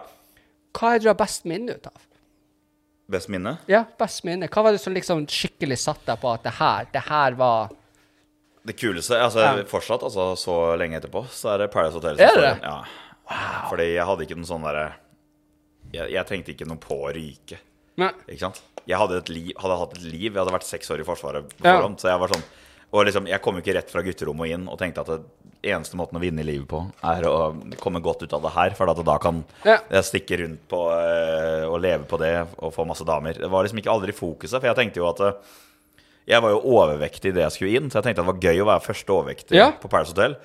Og så tok jeg alt som en bonus derfra. Og jeg trodde jeg skulle rygge første uka. Helt sikker. Ja. Jeg snakka jo det mye med mammaen til eldstemannen min før jeg dro inn, for han levde jo Han hadde blitt født på den tida. Ja.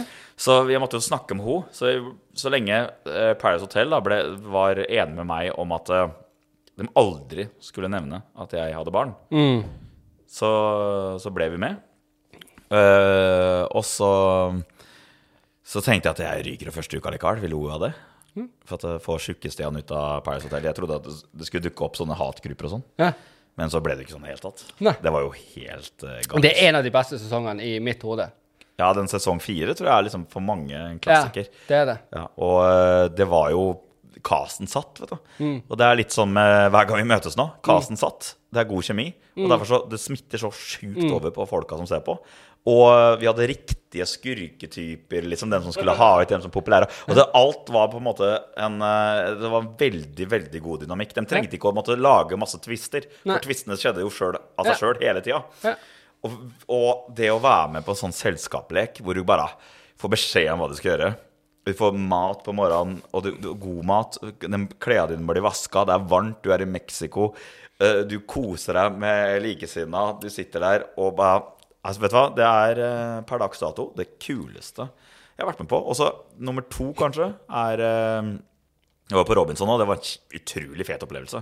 Eh, Ja, du har vært der òg, det stemmer. da. ikke noe 20 kilo på 30 dager, så det var Ja. ganske heavy. Så, men det var liksom Jeg ble så sjuk hele sommeren etterpå, sånn, for du, jo, du blir jo strippa for immunforsvar Ja. og holder på sånn. Men Skal vi danse er kanskje nummer to der, fordi eh, det Jeg husker da jeg gikk til finalen uten eh, å vært i duell, Mm. eh, så blacka jeg. Og så kom jeg til meg sjøl halvannen time etterpå. Lykkerusen var så stor, for du var så inne i bobla. Wow. Du har tenkt, Wow. tenkt dansetrinn i fuckings tre måneder. Wow. Og du bare, jeg bodde i Oslo, jeg bodde rett ved siden av dansesenteret da, for å liksom prøve å optimalisere hvordan jeg skulle gjøre det. Og den lykkefølelsen der, den var så sjuk. Jeg, har, jeg så et sånt videoklipp en gang hvor de har prøvd å intervjue meg etter at jeg kommer av parketten. Du, skjønner nesten ikke hva jeg sier engang. Jeg bare, og, og da var jeg jo helt edru i tillegg. Ja. Eh, og det var sånn og du bare, Jeg er ikke til stede. Og så bare kom jeg til meg sjøl, og da noen sendte med meg noe øl. Da. Så jeg står og drikker en øl i dusjen. Ja. Og det har gått halvannen time, kanskje. Så folk har begynt å spørre hvor jeg blir av. For jeg ha fest. Vi hadde fest på SAS hotell oppe i Nydalen etter hver lørdagssending. Og bare sånn Det var den mestringsfølelsen der ja. var helt brutal. Så den var nest, det, Altså, den har jeg ikke opplevd etterpå. Nei. Så, så uh, Paris Hotel, uh, på bakgrunn av at det var et fantastisk eventyr, Mm. og jeg hadde det så gøy, og alle følelser blir så forsterka inn på sånne ting, så du liksom du føler så sjukt at du lever, da. Mm. Så ryker kompisen din, og så griner du litt. At og, Ja. og folk hjemme sitter jo og sier at ah, 'fy fader, du griner etter å ha kjent folk i to uker'. Men Mm. vet du, det er så sterkt. Og det nytter ikke å forklare før folk har opplevd det. Nei. Vi sitter på hver gang vi møtes òg. Griner. Etter kort tid.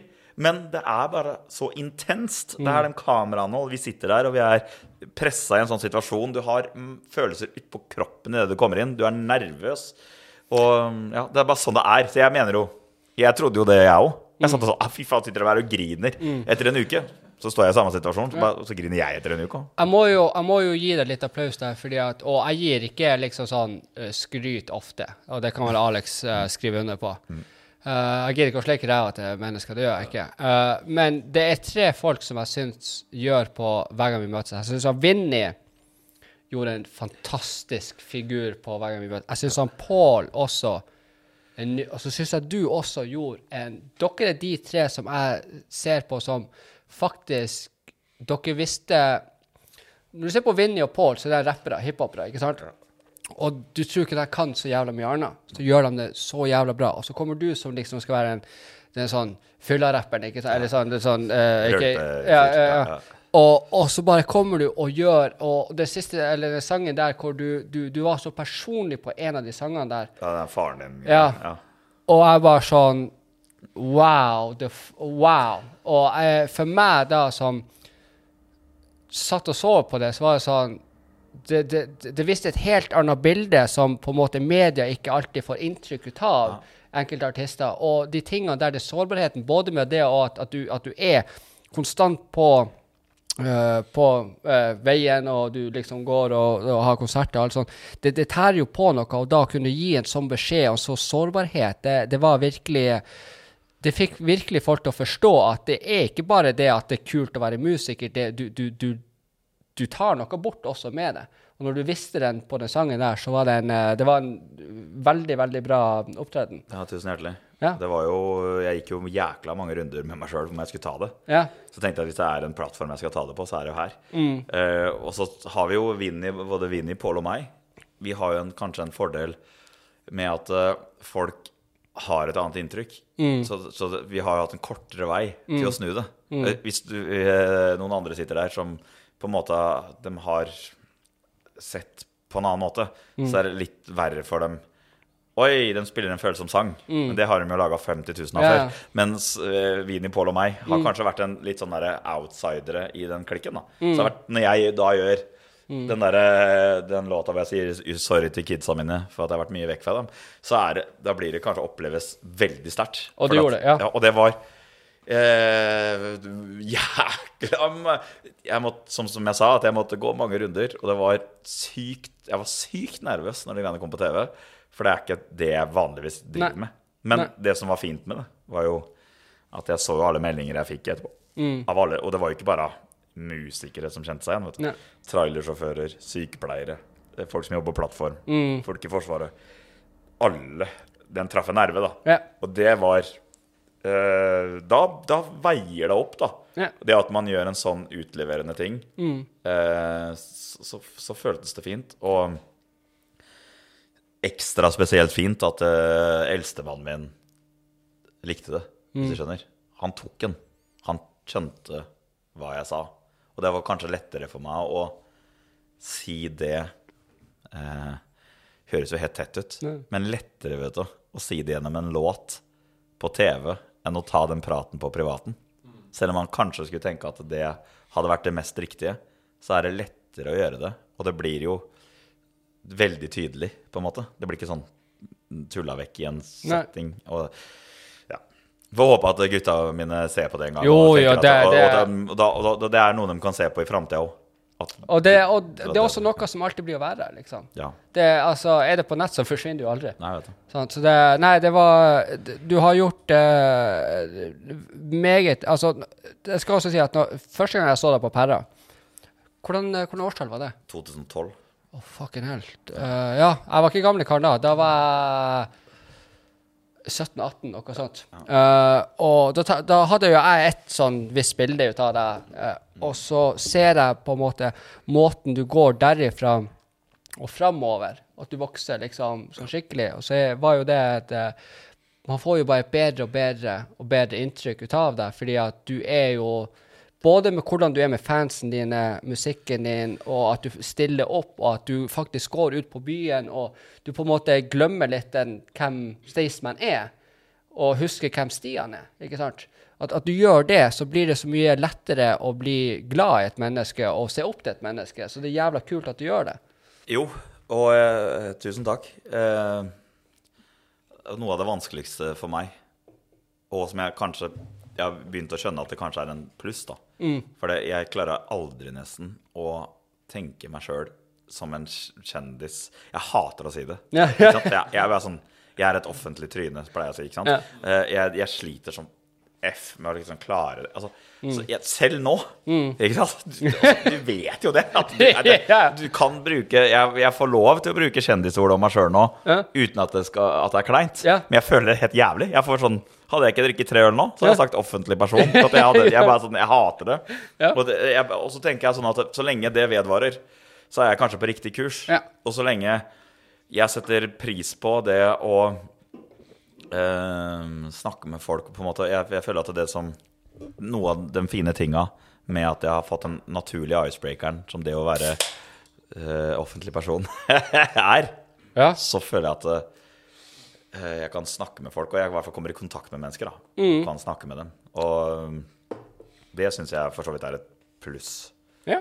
oppi alt det ikke sant? Det blir jo alltid litt ambivalent. For det, oppi alt det og at du vil være privat òg, Mm. men så er det jo tross alt eh, Ja, jeg, hvert fall, jeg føler sjøl at det er for bra at jeg ikke klarer å Klarer ikke å føle meg som han eh, Stace? Som, nei. Som på eh, Som sitter på Lindmo og har Ja. egne programmer og driver på Allsang Ja. Altså, jeg skjønner at det er der ute, og at det er ganske svære ting jeg jobber med. Mm. Men jeg klarer ikke innse At, og Derfor så blir jeg fortsatt starstruck. Og det, det også syns jeg på mange måter er fin. Jeg, jeg bare sånn, Hvis uh, Keiino kom på Allsang på ikke sant? Ja. Jeg er jo sykt fan av Keiino, og jeg elsker MGP i tillegg. Ja. Så er jeg fortsatt skjelven for å intervjue dem. Ikke sant?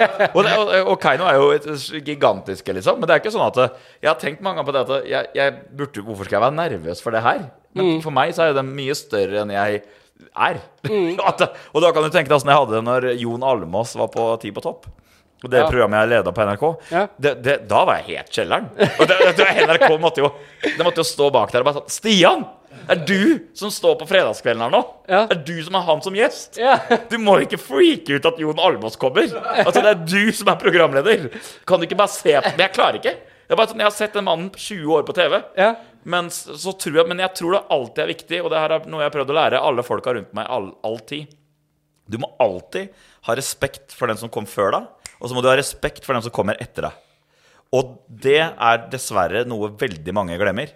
Og du må ha altså, Selv om du er i døtten og flytsona og sånn, så, men du kan ikke begynne Jeg kan ikke begynne nå å si at ja, fy faen, Jon Almaas Og sånn, han, han, er, han er legende i faget sitt. Ja. Og det her har vedvart hele livet. Når jeg jobba som snekker et år Katastrofalt når jeg var sånn 16-17 år. Jeg var verdens, verdens dårligste snekker. Var, så, men jeg satt meg i baksetet, for gutta som jobba lengst, Ja. de skulle sitte foran. Ja. Og jeg sa jeg kan godt bære inn den der greia. Du må skjønne din plass i hierarkiet. Oh, ja. Og Tix òg, som vi har også snakka om noen ganger offentlig. Mm. Han var jo med meg som DJ. Og hver gang vi kom et sted, så, så jeg tok suita, da. Ikke sant? Og han fikk det dårlige rommet. Ja. Mm. Og han fikk det dårligste plassen i bilene. Og så sa jeg til henne hele tida at en dag så er det du som skal ha det, men du må jobbe litt for det. Og det er ikke det at jeg prøver å være slem mot den. Mm. Nei, nei. Du, du bare, det er sånn det skal være. Og det tror jeg folk undervurderer altfor mye. Sånn der, for jeg ser altfor mange unge folk som kommer opp, får seg 70 000 følgere på Instagram og tenker sånn at I'm the shit. ja. Og så tenker de at liksom at, at, Ja. Oi! Så titter de på en sånn gammel NRK-legende, og oi, han har bare ti! Da er jeg større enn han. Ja. Altså, det er Det må, det må seriøst gi seg med. Ja. Du må ha respekt for den som kom før deg. Det, og det, altså, det er eneste måten jeg kan sette det på, uh, på sammenligning, sammenligning der, enten i MC-miljøet eller i tatoveringsmiljøet. Ja. Hvor når du er lærling Altså, du kan fortsatt være en bedre tatovør enn han som lærer, men du må fortsatt ta og vas du, du må være der to timer før, vaske opp eh, liksom studioet, og du må være først inn, sist ut. Og du må gjøre alt dritarbeidet. Det samme i MC-miljøet også. At du må Altså, det, det er bare sånn det skal være. Men det er den riktige måten å gjøre det på. Men så er det jævla ungdommene i dag som ikke helt forstår seg på det der at Ja, men som du sier, ja, men jeg har mange flere følgere. Sånn som jeg hadde jo en beef med en hiphoper.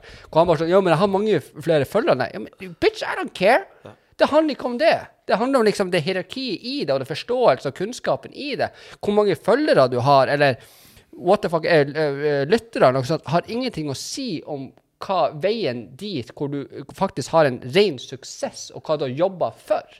Det, det er helt annerledes. Så det er jævla kult. Jeg tror du er den eneste som har Han er den eneste som har sagt det, er han ikke det? Ja? Hva, hva du skulle si? Jeg så du Jeg holdt nesten på å, nesten på å tømme turbopils over, eh, over datamaskinen, så jeg setter den bak her. Men den var, lok den var ikke åpna.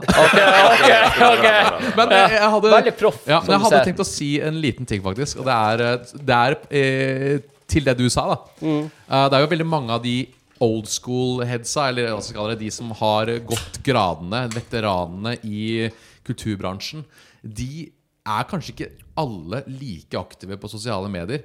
Og du kan på en måte ikke rangere de etter antall følgere på Instagram. Nei. Hvis de Nei, er en nei, sånn nei. 70 år gammel legende, liksom, eller et eller annet Tenk, tenk, 60. tenk deg bare Altså, ja. ja, mm, ja, nei, er ja. Jeg bare tenkte liksom hvor kleint det hadde blitt da Hvis for eksempel eh, Selv om folk er i flytsona ikke eh, For å beholde, holde oss i rappmiljøet da Si at det er liksom King Skurk da Ikke sant? Skulle gått hardt ut mot Don Martin Ja. Fordi at Åh, de har mer følgere enn deg på sosiale medier Eh, Det blir jo helt feil Ja. Altså, han har Don vært der i- Martin er jo legende. Ja, vet du altså, Eller Tommy T for det saks Ja, skyld. ja. Og, og det, er Fuck sånn, yeah. De gutta der da Det må respekteres Og, Å, det, ja, ja.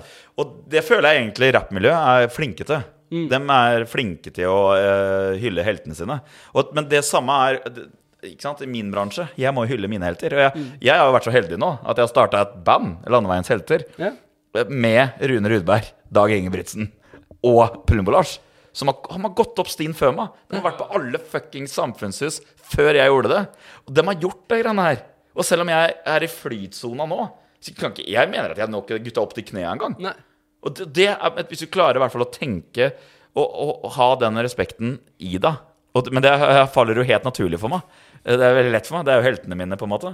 Så, så, men jeg tror det De må aldri glemme det. At de folka som har gjort alt som du har, en drøm om å gjøre De har gått skrittene foran deg og på, på en måte trykt sine fotprint i snøet foran deg, sånn at du ikke får så mye drit på skoene. Ja.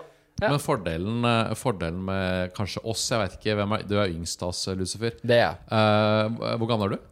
38. 38, ja. ja. Fordelen med å være i den overgangen mellom eh, sosiale medier og ikke-sosiale medier, og sånne ting, er at man på en måte man kan ta del av moroa i den nye teknologien og kommunikasjonen, samtidig som man kan på en måte skjønne eh, og respektere de som på en måte ikke er en del av det. da Fordi vel, De som på en måte er unge nå, de skjønner jo ikke det, fordi de har ikke mulighet til å sette seg inn i det å ikke være en del av det. på en måte Jeg må jo si at han Abu sa det så jævla, uh, jævla godt. Abu er en tidligere som komiker, fantastisk uh, sånn sett fyr. Men han sa, han, han sa det så jævla godt at hvis du går inn i Perra i dag, eller uansett hvordan realityshow eller what the fuck ever, for å bli kjendis Fuck you og alt det du står for. Ja, jeg sier det kanskje litt tungt, men for folk som går inn på Perra i år for å bare få følgebase, for å så kunne jobbe som en influenser, at det er det eneste målet du har i livet, så, så syns jeg litt egentlig synd i det. Gjør, gjør det for kjærlighet at, det, at, at du faktisk er en showman.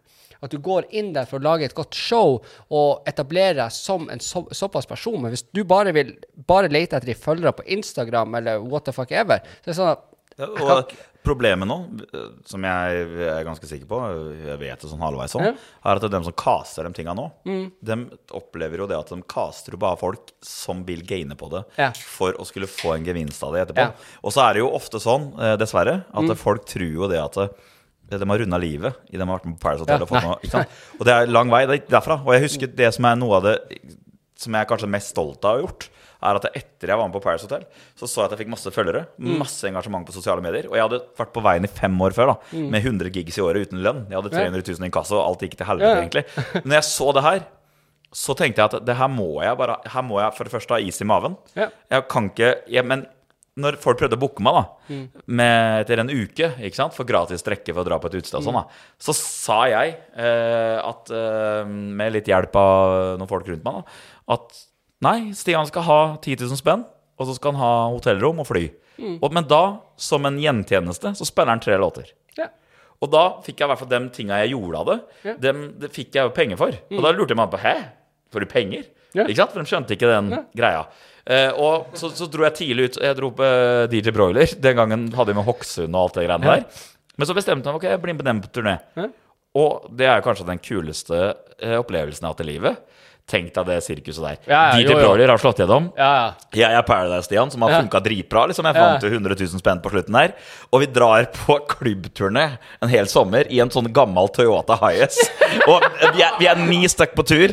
Og alt er utsolgt! Alt er utsolgt! Så du Ja. kan tenke deg det sirkuset. Vi alle opplevde en oppgang på samme tida. Ja. Vi var unge, og vi var ambisiøse. Og vi hadde en jævlig bra arbeidsmoral. Ja. For det er det, det som er greia ikke sant? med gutta i eh, broiler og også. ikke sant? At det, de hadde de hadde sånn, sånn drive, da. Og jeg hadde drive, og alle hadde drive. Og, så var det sånn og det at vi dro oss videre og dro Alle, alle, alle, de festene. pusher, alle Alle, alle pusha hverandre. Og det var kanskje det smarteste valget jeg gjorde. At jeg dro på turné og spilte tracks mm. eh, istedenfor å utnytte tida mi etterpå med å surre det vekk på gratis drikke på en pub. Nemlig. Og det blir litt sånn som det uh, uh, for at når jeg var kriminell, og slutta å være kriminell, og begynte å ha foredrag, så kapitaliserte jeg på de idiotiske tingene jeg gjorde før, for å bygge en videre karriere. For å på en måte også gjøre opp for de idiotiske tingene jeg gjorde. Og det var ikke da egentlig sånn for at jeg ville tjene noe på det, men for meg så hadde jeg en drive for at jeg ville fram. Jeg ville, jeg ville så langt unna min fortid og bare fram. Og hadde bare mennesker rundt meg som hadde liksinna og kanskje samme bakgrunn, hvor vi bare sånn, vet du hva, gutter, vi vi, vi har gjort noe idiotisk, men vi alle må bygge hverandre nå. Vi må motivere hverandre. Og når du er like sulten som dine medmennesker rundt deg, så går dere så jævla mye mer langt. Og du som uh, har vært på Perra, kapitaliserte jo litt på at du hadde vært på Perra, og kunne bygge videre istedenfor å bare ja, jeg har vært på Perra, og det er høydepunktet av mitt liv. Ok, Så jeg sitter her nå i et halvt år og tjener bitte litt penger og kan drikke gratis. Men du, men du har en karriere ut av det. Ja. Ja. Og jeg, var, jeg er ganske liksom Det er jeg stolt av at jeg klarte helt på, selv den gangen. Og ha is i magen på ting. Ikke Mm. Ja. Jeg, jeg, jeg, liksom, jeg skjønte at jeg måtte takke nei til ting og sånn. Mm. Ikke sant? Jeg skulle være med på, hvis jeg skulle være med på et realityshow igjen, så skulle det være et stort etablert et. Mm. Så da ble det Robinson. Og så ble det innom Melodi Grand Prix, og så ble det Skal vi danse, og så ble det Farmen. Mm. Alle er jo store etablerte konsepter som ikke kan floppe. For jeg ville ikke at navnet mitt skulle forbindes med en flopp. Ja. Så jeg hadde liksom huet da. Og det, det som er litt sånn synd i dag, altså, eller synd, er jo at det er jo Jeg var jo 29. Mm. Og derfor så, at dem som kommer inn i det systemet der nå Jeg syns jo ofte at de skulle hatt et management som møtte dem og tok vare på dem. Ikke bare kasta dem ut. Ja. Ja. Men kan jeg spørre om en Ja, Det er personlig spørsmål det- til deg. vær så god. Ja. Hadde du eh, Du må velge om du ikke Hør, Nei, nei, nå, har jeg blitt, det- nå har jeg tatt over. Nei, nei, nei, nei, nei, nei, nei, nei. Mm. Nei, Men når du var kriminell, da, hadde du den samme ambisjonen for å bli liksom best mulig kriminell? Nå, ja. Eh, OK, jeg er jo, eh, for å si det langt med kort, jeg er født inn i en eh, På ene sida av slekta er de veldig kriminelle. Eh, født litt inn i den mentaliteten. Det var det jeg kjente til. Det var, altså, når du oppvokser med at det her er din no, eh, normale tilstand, ikke sant, um, så ville jeg alltid Det var lett for meg å bli stor der pga. navnene som er i min familie. Men jeg ville ikke bli min familie. Jeg ville bli som Coca-Cola, bli et varemerke sjøl. Det var det jeg ønska. Og jeg ville bli best i det, fordi at det er veldig vanskelig å skille um, liksom hva som er deg og ikke, når du er vant med det. Altså når du er lært opp i noe som, som er normalt, så er jo det normalt for deg. Uh, og Så derfor ville jeg bare da prøve å gjøre det best mulig, for det var det jeg kjente best mulig til. Det er det her jeg skal gjøre for resten av livet. Um, når jeg da kom inn i fengsel, da, uh, så forsto jeg veldig kjapt de valgene du har tatt, er, det, det er noe du tillærte deg å ta, men ikke noe du kan stå for i ettertid eller under. Ve- Hvis det gir noe mening? Veldig. Ja. Ja. Så når jeg da måtte sette meg sjøl inn i fengselet og bare sånn Fuck, du har gjort det. Du har sagt det. Helvete, du gjorde det der mot den der personen. Å, shit.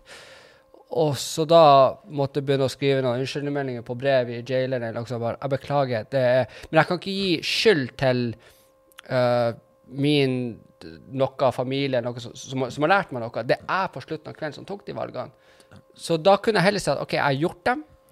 Det er tillært, ja. Men hva hvis jeg setter meg i en posisjon hvor jeg kan gjøre bedre ting ut av det? At til slutt så sier jeg nei til det, og heller lærer ungdom å si nei. Sånn som du gjorde med din karriere. Til slutt så må du Du må se din egen verdi foran familie, venner, eh, folk som har lyst til å booke deg. Din verdi er større enn dem alltid. Og det er ikke noe egoistisk eh, sånn sagt, eh, egentlig, men det er du som går på scenen hver kveld. Det er du som er borte fra familie hver kveld. Er den tida her på scenen mer verdt, eller gir det familien min eller vennene mine noe?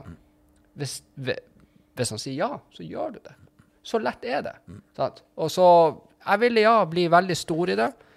Og jeg ble veldig stor i det. Jeg ble tatt i Nord-Norges største beslaglag på enkeltpersonell. Um, men så kunne jeg også kunne komme i ettertid og si at jeg beklager. Ja. Sant? Så det var Det lang- jo grunnen til at jeg liksom er liksom, Ja. For jeg merker jo sjøl, uten sammenligning Ja. for øvrig Men hvis jeg sitter og ser på Sopranos, da, Ja. for eksempel, Ja. Mm. som er min favorittserie Jeg har sett den fire ganger. Jeg blir aldri lei. Eh, så blir man så revet inn i det at man, begynner sånn der Nei, kanskje jeg skulle hatt Kanskje jeg skulle begynt litt der. Ja, ja. Og, og det, for det er jo en utrolig spennende verden. Oh, ja, ja. Og, og hvert fall, jo. som du sier, da, hvis du skal bli stor i det i tillegg. Og det er jo mange som helt sikkert, og det her har jo du bedre kunnskap eh, om enn meg, men som sitter rundt nå, som er bein... Altså, de er harde kriminelle, men har fete luksusleiligheter i Oslo, og som har bare slått seg opp på den måten. Du, du må selvfølgelig ha spissere albuer, og du må kanskje du må ha gått over bokstavelig talt, da, lik, for å komme dit. Men det er, det er derfor er det litt fascinerende å spørre deg, hvis du skjønner. jo. og Hvordan, om ambisjonsnivå. For jeg kan se for meg det, at jeg som har sånn gigantisk ambisjonsnivå, og setter meg sånne drømmer som nesten er umulig å nå, og Mm. Jo. prøver alt jeg kan for å nå dem Hadde jeg vært kriminell, så det er blitt sånn. Ja. Jeg skal ha toppleiligheten på Aker Brygge, og den skal være finansiert av Ja. fuckings kokain. Ja. Ja. Jeg, jeg, jeg kan si det sånn at det er en grunn for at jeg laga en dokumentar om meg. Og jeg var 18 år og tjente i overkant av 200 000 i måneden. Og Interpol var etter meg. Altså selveste Interpol var etter meg. Og en av mine bedre venner i det tidligere liv var en av kartellederne i Brasil. Det var, det var det, det liksom det var, det var liksom der det var. Du er jo nesten oppe på Sopranos-nivå, da. Nesten. Og, og, og det var sånn at Men når, når sånne ting blir normalisert Det blir litt sånn som at hvis du er mye på TV, så blir enkelte goder normalisert. Ikke sant? Og du på en måte feeder litt ut av det. Det samme blir litt sånn der, at du forventer at du skal få den og den og den, og ego Altså sånn, ingen 18-åringer er smart fucking ever. Ja. Hvis du tjener i overkant av 200 000, og du får såpass mye frykt eller respekt Jeg sier respekt sånn, for det er jo ikke det. Og du får de godene, så går jo det virkelig til hodet til deg. Du blir jo en eh, disgusting person, og spesielt i det miljøet.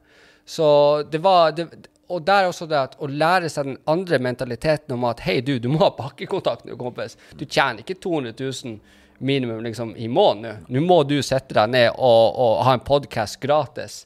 Så, jo, jo, jo. jo, jo. Eh, og, og, og gå rundt som det. Og du kan ikke være den kriminelle på gata eller bli frykta eller noe sånt. Du, du, må, du må gå hjem til deg. Du har ikke uh, jeg håper å si kone, ikke at vi er gift. Kanskje snart, kjære. Oi, oi, oi, oi, oi. Så, så, så, så, så, så, så du må virkelig trekke deg så tilbake, og så må du se din verdi i også samfunnet. Sant? Og det, var, det, det der var en mindfuck for meg å plutselig gå bort fra uh, Fordi det var no, noen i familien Jeg hav- havna i en stygg slåsskamp, og så sier han Hei, du. Du har visst at du kan skade folk. Når kan du vise at du ikke kan gjøre det? Når kan du gå bort fra det? Når klarer du det? Og den der mindfucka meg skikkelig. Bare sånn, OK, ja, nå nå må jeg virkelig jeg må, jeg, Vi fikk en ny valp nå for tre dager siden. Vi har leilighet, og vi, vi har det godt og alt sånt. Og jeg har en normal jobb hvor jeg drikker. Eh, og det der, det, der, det der fucka så mye med meg. Og, fordi at i mitt hode så er jeg enda den, men jeg kan ikke utagere på det. Jeg må, jeg må være meg. Så jeg skifta navn og ble ordentlig og hele pakka. Så det, ja, det er bare rart, hele, hele, hele greia. Ja, og sånn som Jeg har vært i Forsvaret i mange år.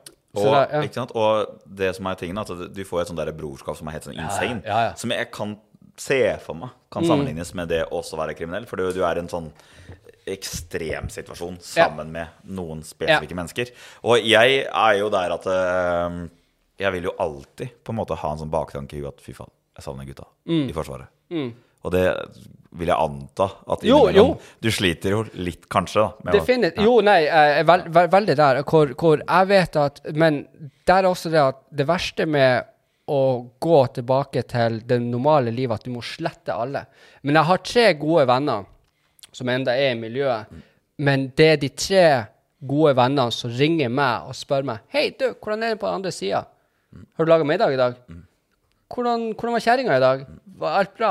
Hvor jeg vet at de får den påminnelse om hvordan livet egentlig kan være, men de er så dypt i det at de, de, de, de kan ikke gå fra det. Ikke sant? Mens jeg, som meg, savner jo det brorskapet med dem. Så jeg ringer dem. 'Hei, du. Hva som skjer i miljøet nå? Hva som blir, liksom, kan bli henta nå?' Og det går sånn fram og tilbake. Men hvis jeg skal være et godt eksempel, så må jeg bare holde meg litt unna det. Men jeg vet at du så her, Alex, en god venn for deg er noen som kommer til deg uh, og sier at 'Hei, du, jeg har en sofa til deg uh, fordi at du og kjerringa krangla'. Det er en god venn. En god venn for noen som har vært enten i Forsvaret fordi at der Det er jo skudd mot skudd, bokstavelig talt.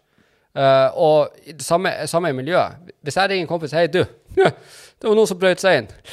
Det gikk litt dårlig. Kan du komme og hjelpe meg?'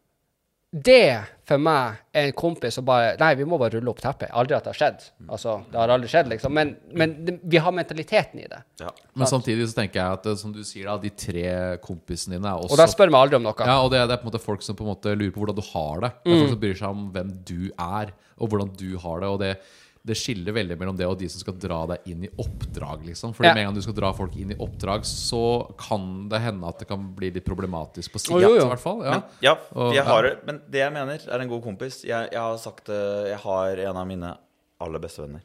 Vi har masse holdninger som ikke er Altså, vi er langt unna hverandre. Ja.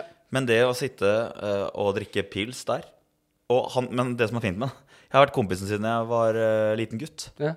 Og jeg kan se bort ifra det. Fordi jeg er glad i den. Mm. Og det, ja, ok, greit, så, så, så er vi uenige der. Eh, men eh, det er jo nesten det som skaper en dynamikk òg. At vi kan sitte der og, og høre på musikk og drikke pils og diskutere ting. Og uten at For at han er såpass oppegående, i hvert fall. da At han har gode grunner til hvorfor han har holdningene han har. Mm. Og så blir det, og det er derfor Jeg mener at vennskap skal trumfe egentlig alt. Ja. Altså, hvis man er barndomsvenn, så bør, man i hvert fall eh, I ditt tilfelle, da Mm. Ok, de har valgt å beholde det. Du kan liksom ikke kutte dem ut av livet ditt for det. Altså, Du vil jo stille opp hvis, hvis blir skutt, da. Ja, ja. Så vil du jo møte opp på sykehuset. Oh, ja, det, det, det er derfor jeg mener ja, vennskap. men, noen dem- vennskap er men- hellig, da. Jo, men de, de vet at hvis de er i sånn La oss si en sånn Nå Hei, du, jeg skal gå og kreve inn noen penger nå. Kan du være med? Mm. De blir aldri å ta. De tre blir aldri å ta, men de andre misbruker fordi det er en veldig mørk og dyster verden hvor vi misbruker hverandre.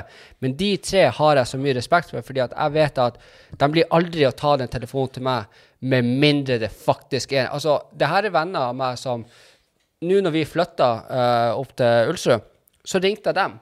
Fordi at de vet at dama mi har dårlig rygg. Så ah, de kom og bærte for henne.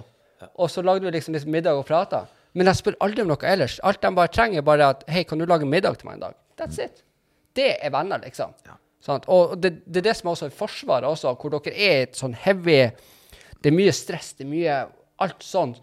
Men dere forholder dere til hverandre som individer med forståelse til hva er det du eh, klarer og ikke. Ikke sant? Kan jeg må pisse? Kan Ja, jeg Jo, ja, ja, I forbindelse med at jeg skal faktisk bytte minnekort, så er det Ja, Ja, Hvor perfekt. lenge på Ja, helvete! Vi kjører på litt, på litt til, da.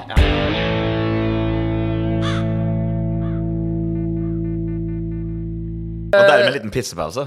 Så jeg vet, jeg, vet- jeg vet ikke hvordan de klipper det, men jeg vet, jeg vet der, nå, hvis, det, hvis det var en veldig sånn over, drastisk overgang ja, ja, Ja, ja. det var en drastisk overgang nå, så var det vi pissa. Ja, ja. Nei, det, men, for, for jeg har jo veldig lyst til å ha tekst med, og sånt, og du kjenner jo han veldig godt, men du er jo også en av de personene som har kjent han. For jeg, jeg føler det at måten jeg intervjuer på, blir litt mer hvem er personen, og ikke hvem er artistnavnet. Så derfor har jeg veldig lyst til å ha en tekst med, fordi jeg har lyst til å kjenne han som den personen, og ikke uh, artistnavnet. Og du har jo sittet nå i masse, masse år og på en måte samla litt ting og tang for at du har kjent han hele veien. Ja. At, men han har fått så mye fordommer og så mye hat før, men nå vil alle jobbe med han. Ja. Hvordan Jeg visste jo det den gangen jeg hadde med på tur. Ja. Jeg visste at det kom til å skje. For jeg så måten han behandla fans på. Hvordan han, appell han fikk, og Mm. hvordan sånn sinnssykt engasjement han fikk rundt ting han drev med. Så Jeg visste jo hele tida at han, han bygger seg et så stort navn nå, og jeg visste jo hele personligheten hans også. At det liksom ikke den russelåtprodusenten eh, som de, de trodde han var, det var sto jo ganske langt unna virkeligheten. Men det som irriterer meg, er at alle som var ute og flagga den gangen han kom med de kontroversielle låtene, de var så harde mot den. Altså, Det var en ung gutt, en 19 års gammel gutt, eller 20, da. Kanskje 21. Men uansett, så Det var en ung gutt som lagde noe som egentlig var ment i et lokka miljø. Russelåter. Og, og russebussene hadde jo bestilt de låtene her. Og så at Problemet hans, da, hvis vi tar det i veldig anførselstegn, at han lagde de låtene så bra at de, de vokste utafor russemiljøet. Og, men at eh, unge menn kommer med noe kontroversielt, det er jo ikke akkurat sjokkerende. Så, at, altså, det er jo noe vi, vi har drevet med i alle altså, altså, vi, vi kan gå helt tilbake til Elvis. da Hadde kontroversielle hoftebevegelser, og foreldregenerasjonen skulle blokkere ham. Ja. Og det er, sånn det er Altså, mamma, som jeg, jeg Var det her drøyt, mamma? Har jeg spurt to om noen ganger når jeg lager låter. Og bare, «Eh, nei. Jeg har hørt verre før. Og Beranek kom i 82 eller noe sånt nå, med, med 'Dra til helvete'. Boikotta alt. ikke sant? Og foreldregenerasjonen hata det. Åh. Og så selvfølgelig, sånn vil alltid skje. Det som plaga meg så sjukt med det her, er at det, det vet jo folk i bransjen. Og så skulle hele bransjen brått boikotte en stakkars fyr som eh, bare laga noe greier for å uh, lage et bra produkt for den klikken han skulle lage det bra produktet til. Og, og så skjønte de ikke at Én ting var at han fikk jo kjempesuksess pga. den kritikken. Men historien viser jo gang etter gang etter gang etter gang at uh, man må se kanskje noen ganger bak det, det folket har laget. Og det der provoserte meg for fem-seks år siden. Altså, det, det, jeg tok jo printscreens og sånn av alt folk i bransjen skrev om Tix, som var så- sånne stygge ting. For jeg visste jo at en dag så kan jeg bruke det mot dem. Og det er, du aner ikke hvor deilig det er i dag, når, når han har snudd hele skuta. For jeg visste det kom til å skje. Jeg visste det, for at han er såpass oppegående, og han har sin historie. Men at ikke folk klarer å se altså, En sju 20 år gammel gutt gir ut noen låter som er kontroversielle, og så skal den prøve å Du er 20, for faen. Du er, altså, Skal være kontroversiell! Ja. Ja, faen er det du skal lage Ja, det der greiene der Jo, nei, nei, nei, men det er Ja. jævla bra. Og det, det der, for vi har jo også Vi har hatt han uh, uh, Falk Ja, innom. ja. eh, og så og, så Han er jo faktisk en av dem som skjønner det. Ja. Han Ja. så, og, og, og det er så at kontroversielle ting Altså, om du er en nyskapende person og du og så sier jeg, OK, jeg skal, jeg, skal, jeg skal skli litt ut, men først og fremst, du må være kontroversiell for å komme noen plass i verden. Og spesielt i det yrket her. Men hvis du lager så gode sanger i et lukka miljø som er russelåter, at det kommer ut på hele markedet, da er du faen meg god produsent. Da lager du noen fete sanger, liksom. Så der at folk bare sånn Nei, men altså, det er så, så Ja, men altså, se her. Gutten er fuckings 20, 21. Hvordan faen var du? Hvis du har kunnskapen han har til å lage en beat og en sangtekst, og du hiver det ut, og han får suksess, skal du se ned på det da? Ikke egentlig. Men så, også, men så handler veldig mye i den bransjen her om, dessverre, da Trynefaktor. Eh, eh. Eh, Trynefaktor. Ja, også, ja, for det, det som jeg så også samtidig Det som jeg ble Jeg lagde jo Jeg, jeg brauta litt om det i avisa sånn. Fikk veldig kjeft og sånn av noen, for de misforsto hva jeg prøvde å si. Det var jo at så lenge du er kul nok for en viss del av bransjen, så var det hele tida greit. Og så det jeg prøvde å si jeg, altså, Det var en sånn sak som eh, King Skurkon da, brukte liksom mot meg. Men han skjønner jo greia, han, og han bare brukte det for å lage, lage litt PR. Det var, men mitt eksempel var at når eh, Bangshot kom, så sitter hele den samme samla bransjen og skal hylle King Skurk One som et fuckings geni på grunn av Bangshot. Mens hadde Tix gitt ut teksta til Bangshot, så hadde hele den samla bransjen gått sammen om å boikotte den. Det er fordi at dem, den samla bransjen som uh, sitter uh, i kulissene, dem hata musikken hans. De syntes ikke det var fett. Men når King Skurk One gjør det, med Linda Vidala, så blir det på en måte hylla som et mesterverk. Og på en måte, da er det greit at han sier at han knulla tre damer med en kondom og sånn. eh, Uten kondom. Altså, og så alt det greiene der. Og det provoserte meg så. Og at de forherliga eh, rusmidler, da. Det var greit. For det var liksom det kule. Det var, det var fargerikt språk, og det var liksom Det var ikke måte på hvordan de hylla det. Samtidig som de prøvde å drepe karriera til en fyr som kom med noe som var så tegneserieunivers. Altså Hvis du hører sjeiken Det er en sånn derre sjeik og en stemme, og så er det en sånn derre annen tullestemme. Ja. Altså Det var så tulleunivers som du kan få det. Mens Tix skulle bli drept Ja. for at han lagde kontroversielle ting. Mens King Skurk One, han skulle bli hylla Ja. den det, det der Dessverre så provoserte det meg helt Jo, jævlig. det er og det var ikke det at jeg, jo faen! Jeg Og det, det ble jo dratt litt ut av kontekst, for at det, jeg altså, var en sak hvor det liksom skulle fremstå at jeg hata Bangshot. Jeg hater ikke Bangshot. Jeg, syns det var en fet låt. Og jeg, jeg, jeg, jeg har jo ikke noe mot han. Men det var bare så fryktelig provoserende å sitte på sidelinja Altså, jeg skjønner Du kommer bare med sammenligningsgrunnlag eh, hvor Ja. du på en måte sammenligner hvordan ting blir reagert på. Ja. Ikke sant? Ja, ja. Hvorfor skal han bli hylla for en superkontroversiell tekst når han andre skal bli drept karriere til? Mm. Det handler om bare én ting. De hata låta hans til Tix. Mm. De hata det, mens de likte rapp. Og det er mange som har møtt, meg, møtt seg sjøl i døra etterpå. Jo, jo. Og jeg, for meg så var det lett å debattere det. For Ja. det var mange av dem som bare Å, hver gang jeg skulle møte noen i en slags debatt, eller et, så gikk jeg litt inn på uh, hva de likte på Facebook. Mm. Og hvis de da hadde vært på Chris Brown-konsert, f.eks., hvor uh, 90% av tekstene er ekstremt kvinneundertrykkende, Ja. og han er i tillegg Ja, erkjent for å banke si det. Mens det hylla dem! Det likte vi! Ja. Men vi skal fortsatt ha det på Tix! Ja. Dobbeltmoralismen var så enorm. Har jeg mange meninger? Har jeg, lyst, har jeg lov til å si Ja, det? kjør på. Fest på. Ja, ok, fordi eh, Vi har pils, det går bra. Jeg tror rett og slett at det er veldig vanlig å tenke at eh, fordi man driver med hiphop, da, så er man på en måte på gatenivå. Man er på gatenivå, og man har kanskje ikke like mye utdanning, man har ikke like mye forståelse. Det kommer fra, fra gettoen, liksom. Og da er det liksom greit å si hva faen du vil. Det sjukeste greiene. Og særlig hvis du på en måte ikke er fra en bakgrunn som er veldig utdanna, hvor familien dine også er utdanna og sånne ting. Og, og da kan du på en måte bruke det som en unnskyldning, men det kan liksom ikke du, da, som på en måte uh, Man tenker ja, du er ca- ca- Caucasian, eller hva du kaller det. Hvit, Caucasian, hvit uh, Caucasian, hvit uh, nordmann. eh, eh, som ikke driver med hiphop i tillegg, da. Og da bør du liksom vite bedre. Fy, fy! Ja, ja.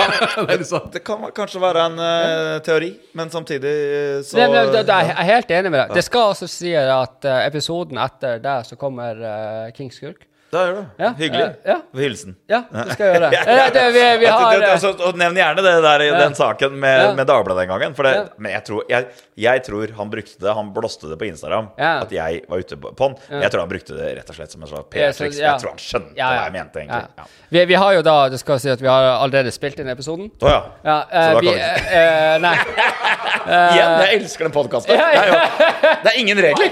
nei. Det er ingenting som sier noe. Altså, jeg, jeg tror faktisk vi ligger som måned i forveien på, på hva faen vi skal spille Ja, inn ok, og greit. Ja. Uh, fordi at vi har bare men, men det er også det at jeg prøver å gjøre litt sånn strategisk med at hvem jeg har, for jeg vil ikke være en hiphop-pod, jeg vil ikke være en eh, reality-kjendispod, jeg jeg vil, jeg vil prate med personer som jeg finner interessant. Ja. Så, men definitivt så jeg er helt enig der. Men jeg skal også si det at jeg, som jeg sa i episoden med eh, King, er det at jeg så jo på at når jeg hørte Bangshot, så fikk jeg litt sånn brekningsmiddel i halsen. Jeg, jeg likte ikke sangen. Jeg personlig gjorde ikke det. Nei. Men alt han har gjort siden, syns jeg han har gjort jævla, jævla bra. Men så må jeg også si at det PR-greia med å legge ut en så kontroversiell sang, hvor du booster alt, liksom, og du får en to Og det er litt også at jeg sier jo jævla dumme ting på poden her i ny og ne, men det er også det som gjør at jeg får lyttertall. Ja. Er jo det om at jeg sier Ja, altså, det, er jo, det er jo det enkleste trikset i boka. Ja. Det, det å få den hiten. Det, men det akkurat det. Det var det, derfor jeg følte at da Tix gjorde det Han gjorde det ikke nødvendigvis for å få lyttertall, ikke sant? Eh, mens jeg bare jeg, jeg, jeg driter i at folk er kontroversielle. Det var bare det, når en bransje ikke turte å gå ut mot eh, bangshot For at det, det var liksom en del av kulegreia, Ja. mens alle skulle fuckings ha meninger om Tix. Det provoserte meg. Og det var liksom Og det gikk jo på Altså, det var så lett å ta folk på dobbeltmoralismen nå. Ja. Det var så lett for meg å sitte der og bare sånn herre Folk som flagga veldig at de hata Tix, hadde eh, uka før booka Matoma til VG-lista med All Thing Back, den der remixen fra gamle Notorious BIG-låta. Eh, hvis du hører Mm. var- på den, var bra. Den er sinnssyk, den! Teksta der, det er kvinneundertrykkende, det. Ja, ja. Og det er sånn Å ja, fordi han gjorde det på engelsk. Og, Så kan går det nå, okay. og, og kan nå hele verden Ja. med kvinneundertrykkelse. da, men nei, det er ikke så farlig. Nei. Det er Tix hun skal hate på Ja, her. Og det, jeg var sånn der, Hva er det som skjer? Ja. Hvorfor ser ikke folk det sjøl? Det var så lett. Og jeg husker at jeg tok en status en gang på eh, et, et forum som heter Bransjeapparat, hvor en bransje er innom. Mm. Og så husker jeg det var så gøy, for at en av dem posta en status hvor de kritiserte Tix. Og så tok jeg akkurat den samme statusen. eh, Kopier. Eh, jeg bare bytta ut artisten. Og jeg bytta bort tematikken. Og jeg, jeg skrev at eh, her satt jeg i bilen med barn For jeg, det var akkurat samme statusen. Og så kom eh, Onkel P sin låt Narko, 'Narko', da. Ja. Ikke sant? Og som forherliger da narkotika. Ikke sant? Hvis du, det spørs jo åssen du ser på det, men tross alt. Og så tok jeg bare bytta ut. Og det var ikke det at jeg hata den låten jeg bytta ut med. Jeg bare prøvde å sette det i perspektiv for dem. Ja. Og da, for dem hadde Rett skrevet skal være rett.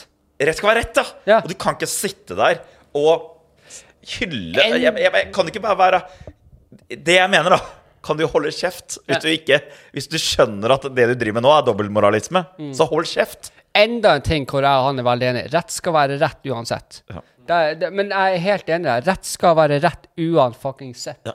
Og jeg mener at du kan ikke sette på en måte Alex i dårlig lys for at han er produsenten i en podkast hvor jeg sier mye drit. Det går ikke på han. Nei. Hvor han egentlig er lærer og kanskje litt redd for den jobben, Ja. så må jeg tenke litt på ok, hva er det jeg sier, for at det kan gå utover han. Ja, ja. Det, det, Nei, Nei, nei, nei, men, altså, Nei, men det blir liksom samme. Altså, rett skal være rett. Altså, jeg kan si det samme, mens du som kjendis kan si akkurat det samme eller kopiere min status, men du havner i problemer. Det var ikke du som sa det. Du er bare enig med det jeg sier, men det var jeg som skrev det. Det er et sånn helt idiotisk tilfelle. Og det er eh, Men det var bare det at eh, akkurat den perioden der så syns jeg det var så ekstremt Mm. mye urettferdig. At det var Og Tix fikk kjørt seg noe helt insane. Men jeg skal si at han fikk den perfekte fuckings paybacken på Yes. hvor noen måtte ete pannebåndet, hvor ja. kritiker kommer inn.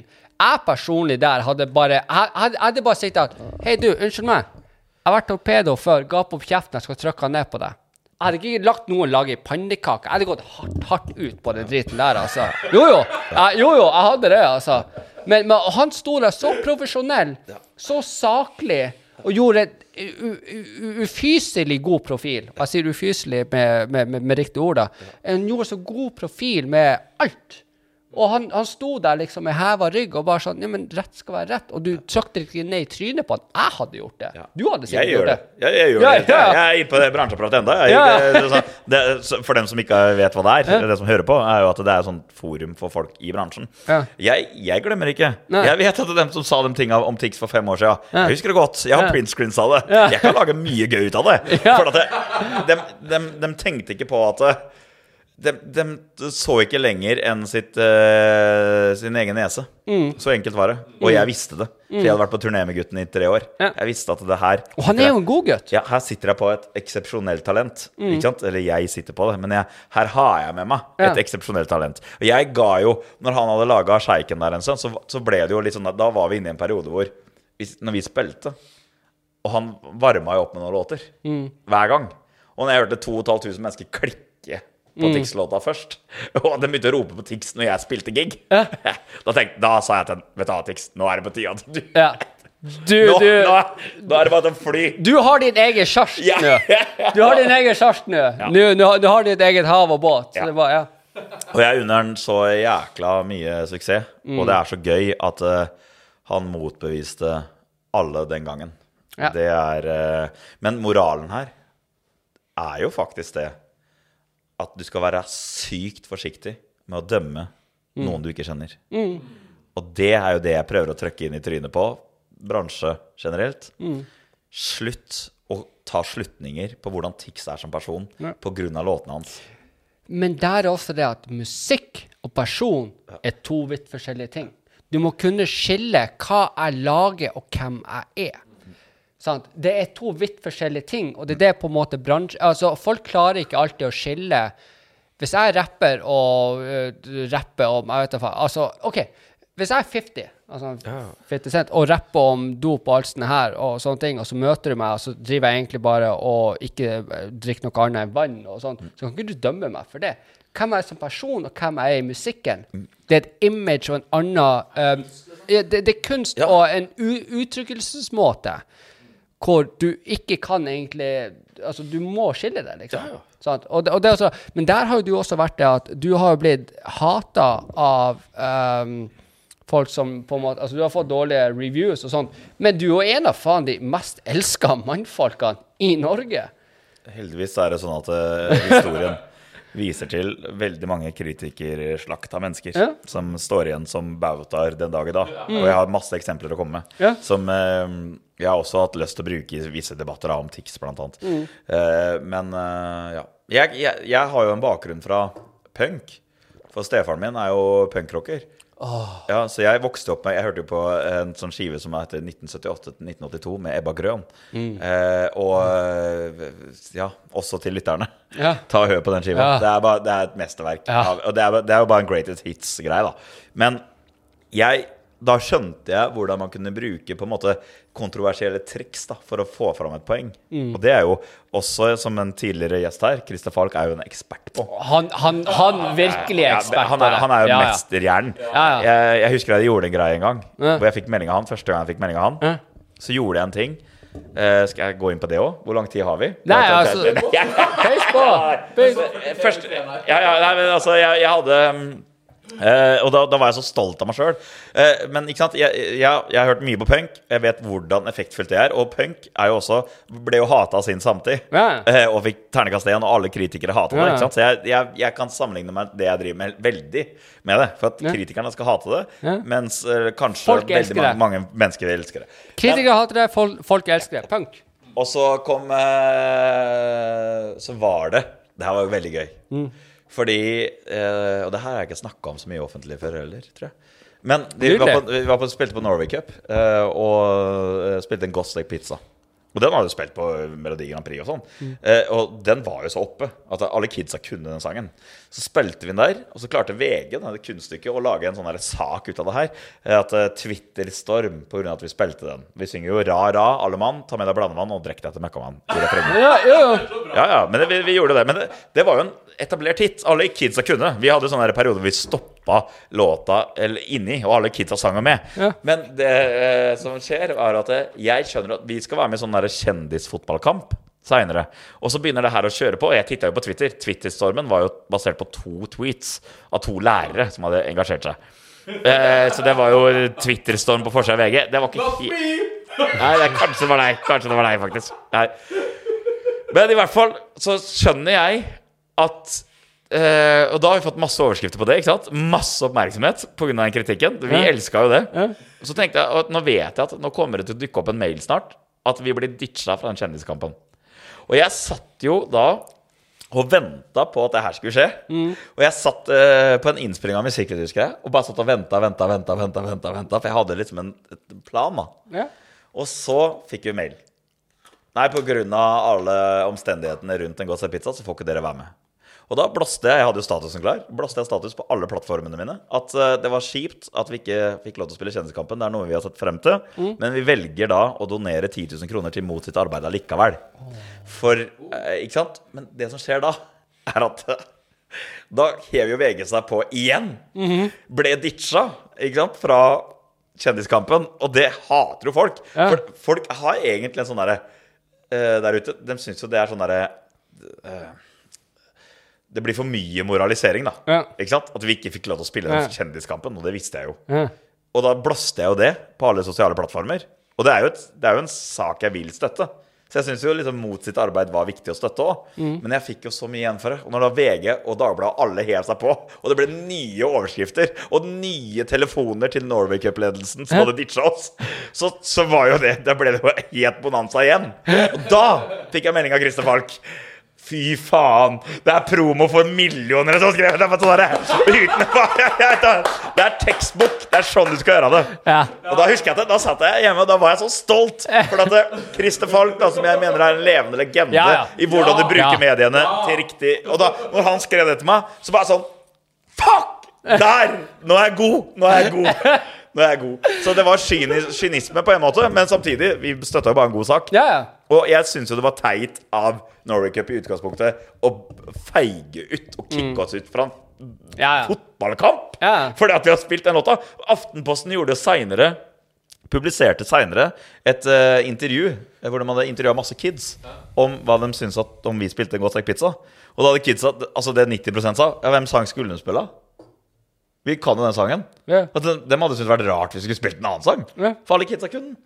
Jeg skal si at en av geni, eh, sånn genistrekene han Christian Falk kom Her er hvor han er et geni, bokstavelig talt. Han, eh, jeg tror det var for Tungtvann han spilte inn en musikkvideo. Spilte dem inn i ei leilighet i en eller annen etasje. Så ringte naboen. Hei, du, eh, kan dere ikke spille inn eller lage så mye bråk fordi at bjelkene her nede er knekt fra før av? Bjelkene Ja. i etasjen de er på, er knekt fra før av. Han kommer ned, ser på bjelkene, går opp fordi at Dagbladet var der og tok bilder. Sier han hei, du, vi må stoppe fotoshooten fordi at vi hadde så stor fest at bjelkene i etasjen nede har knekt. De hadde ikke det fra det. Dagbladet gikk ned, tok bilder og bare la ut Du, Tungtvann-musikkvideoen tok så av. Det var så mye fest at bjelkene knakk. Han brukte det til det beste. Sånn, det er der han er. Han har forståelse for det. Han vet at skandaler og sånne ting, det selger. En som selger, basically. Ja. Negativ Det, oppmerksomhet. ja, ja eh, altså, det, det er fitte og pupper. Ja.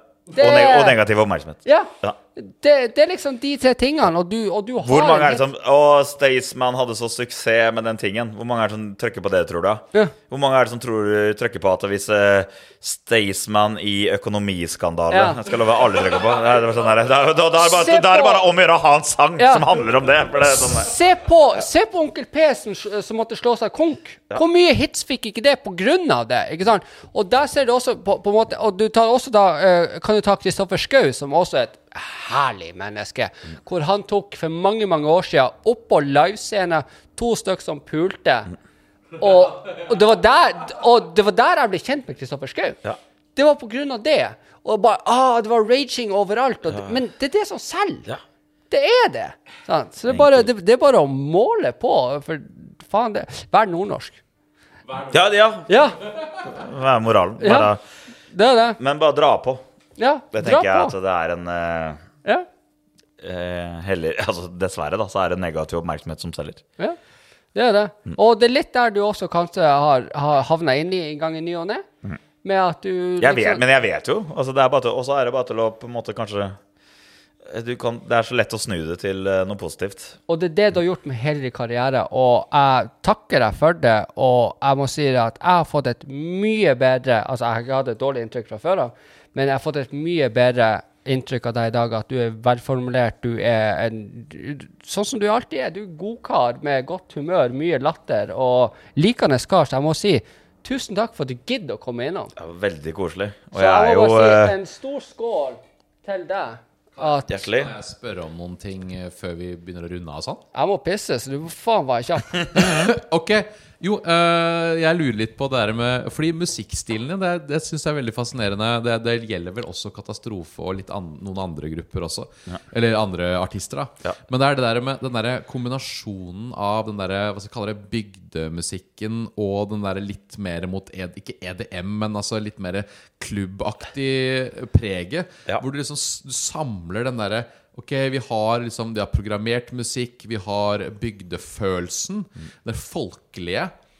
Ha, har du noen øh, Hadde du en plan på hvordan du på en måte skulle komme deg inn i den type retning med musikk? Nei, egentlig ikke. For det, at det som er tingen, at jeg Eller jo, eller altså Når jeg starta med det her og lagde musikk siden jeg var tre år gammel, da, så, så var Tom Mathisen av Rodes Falsk en stor inspirasjonskilde. Og så fikk jeg stefaren min inn i livet, som er gammel punkrocker. Så kom Ebba Grøn og sånne ting inn på banen.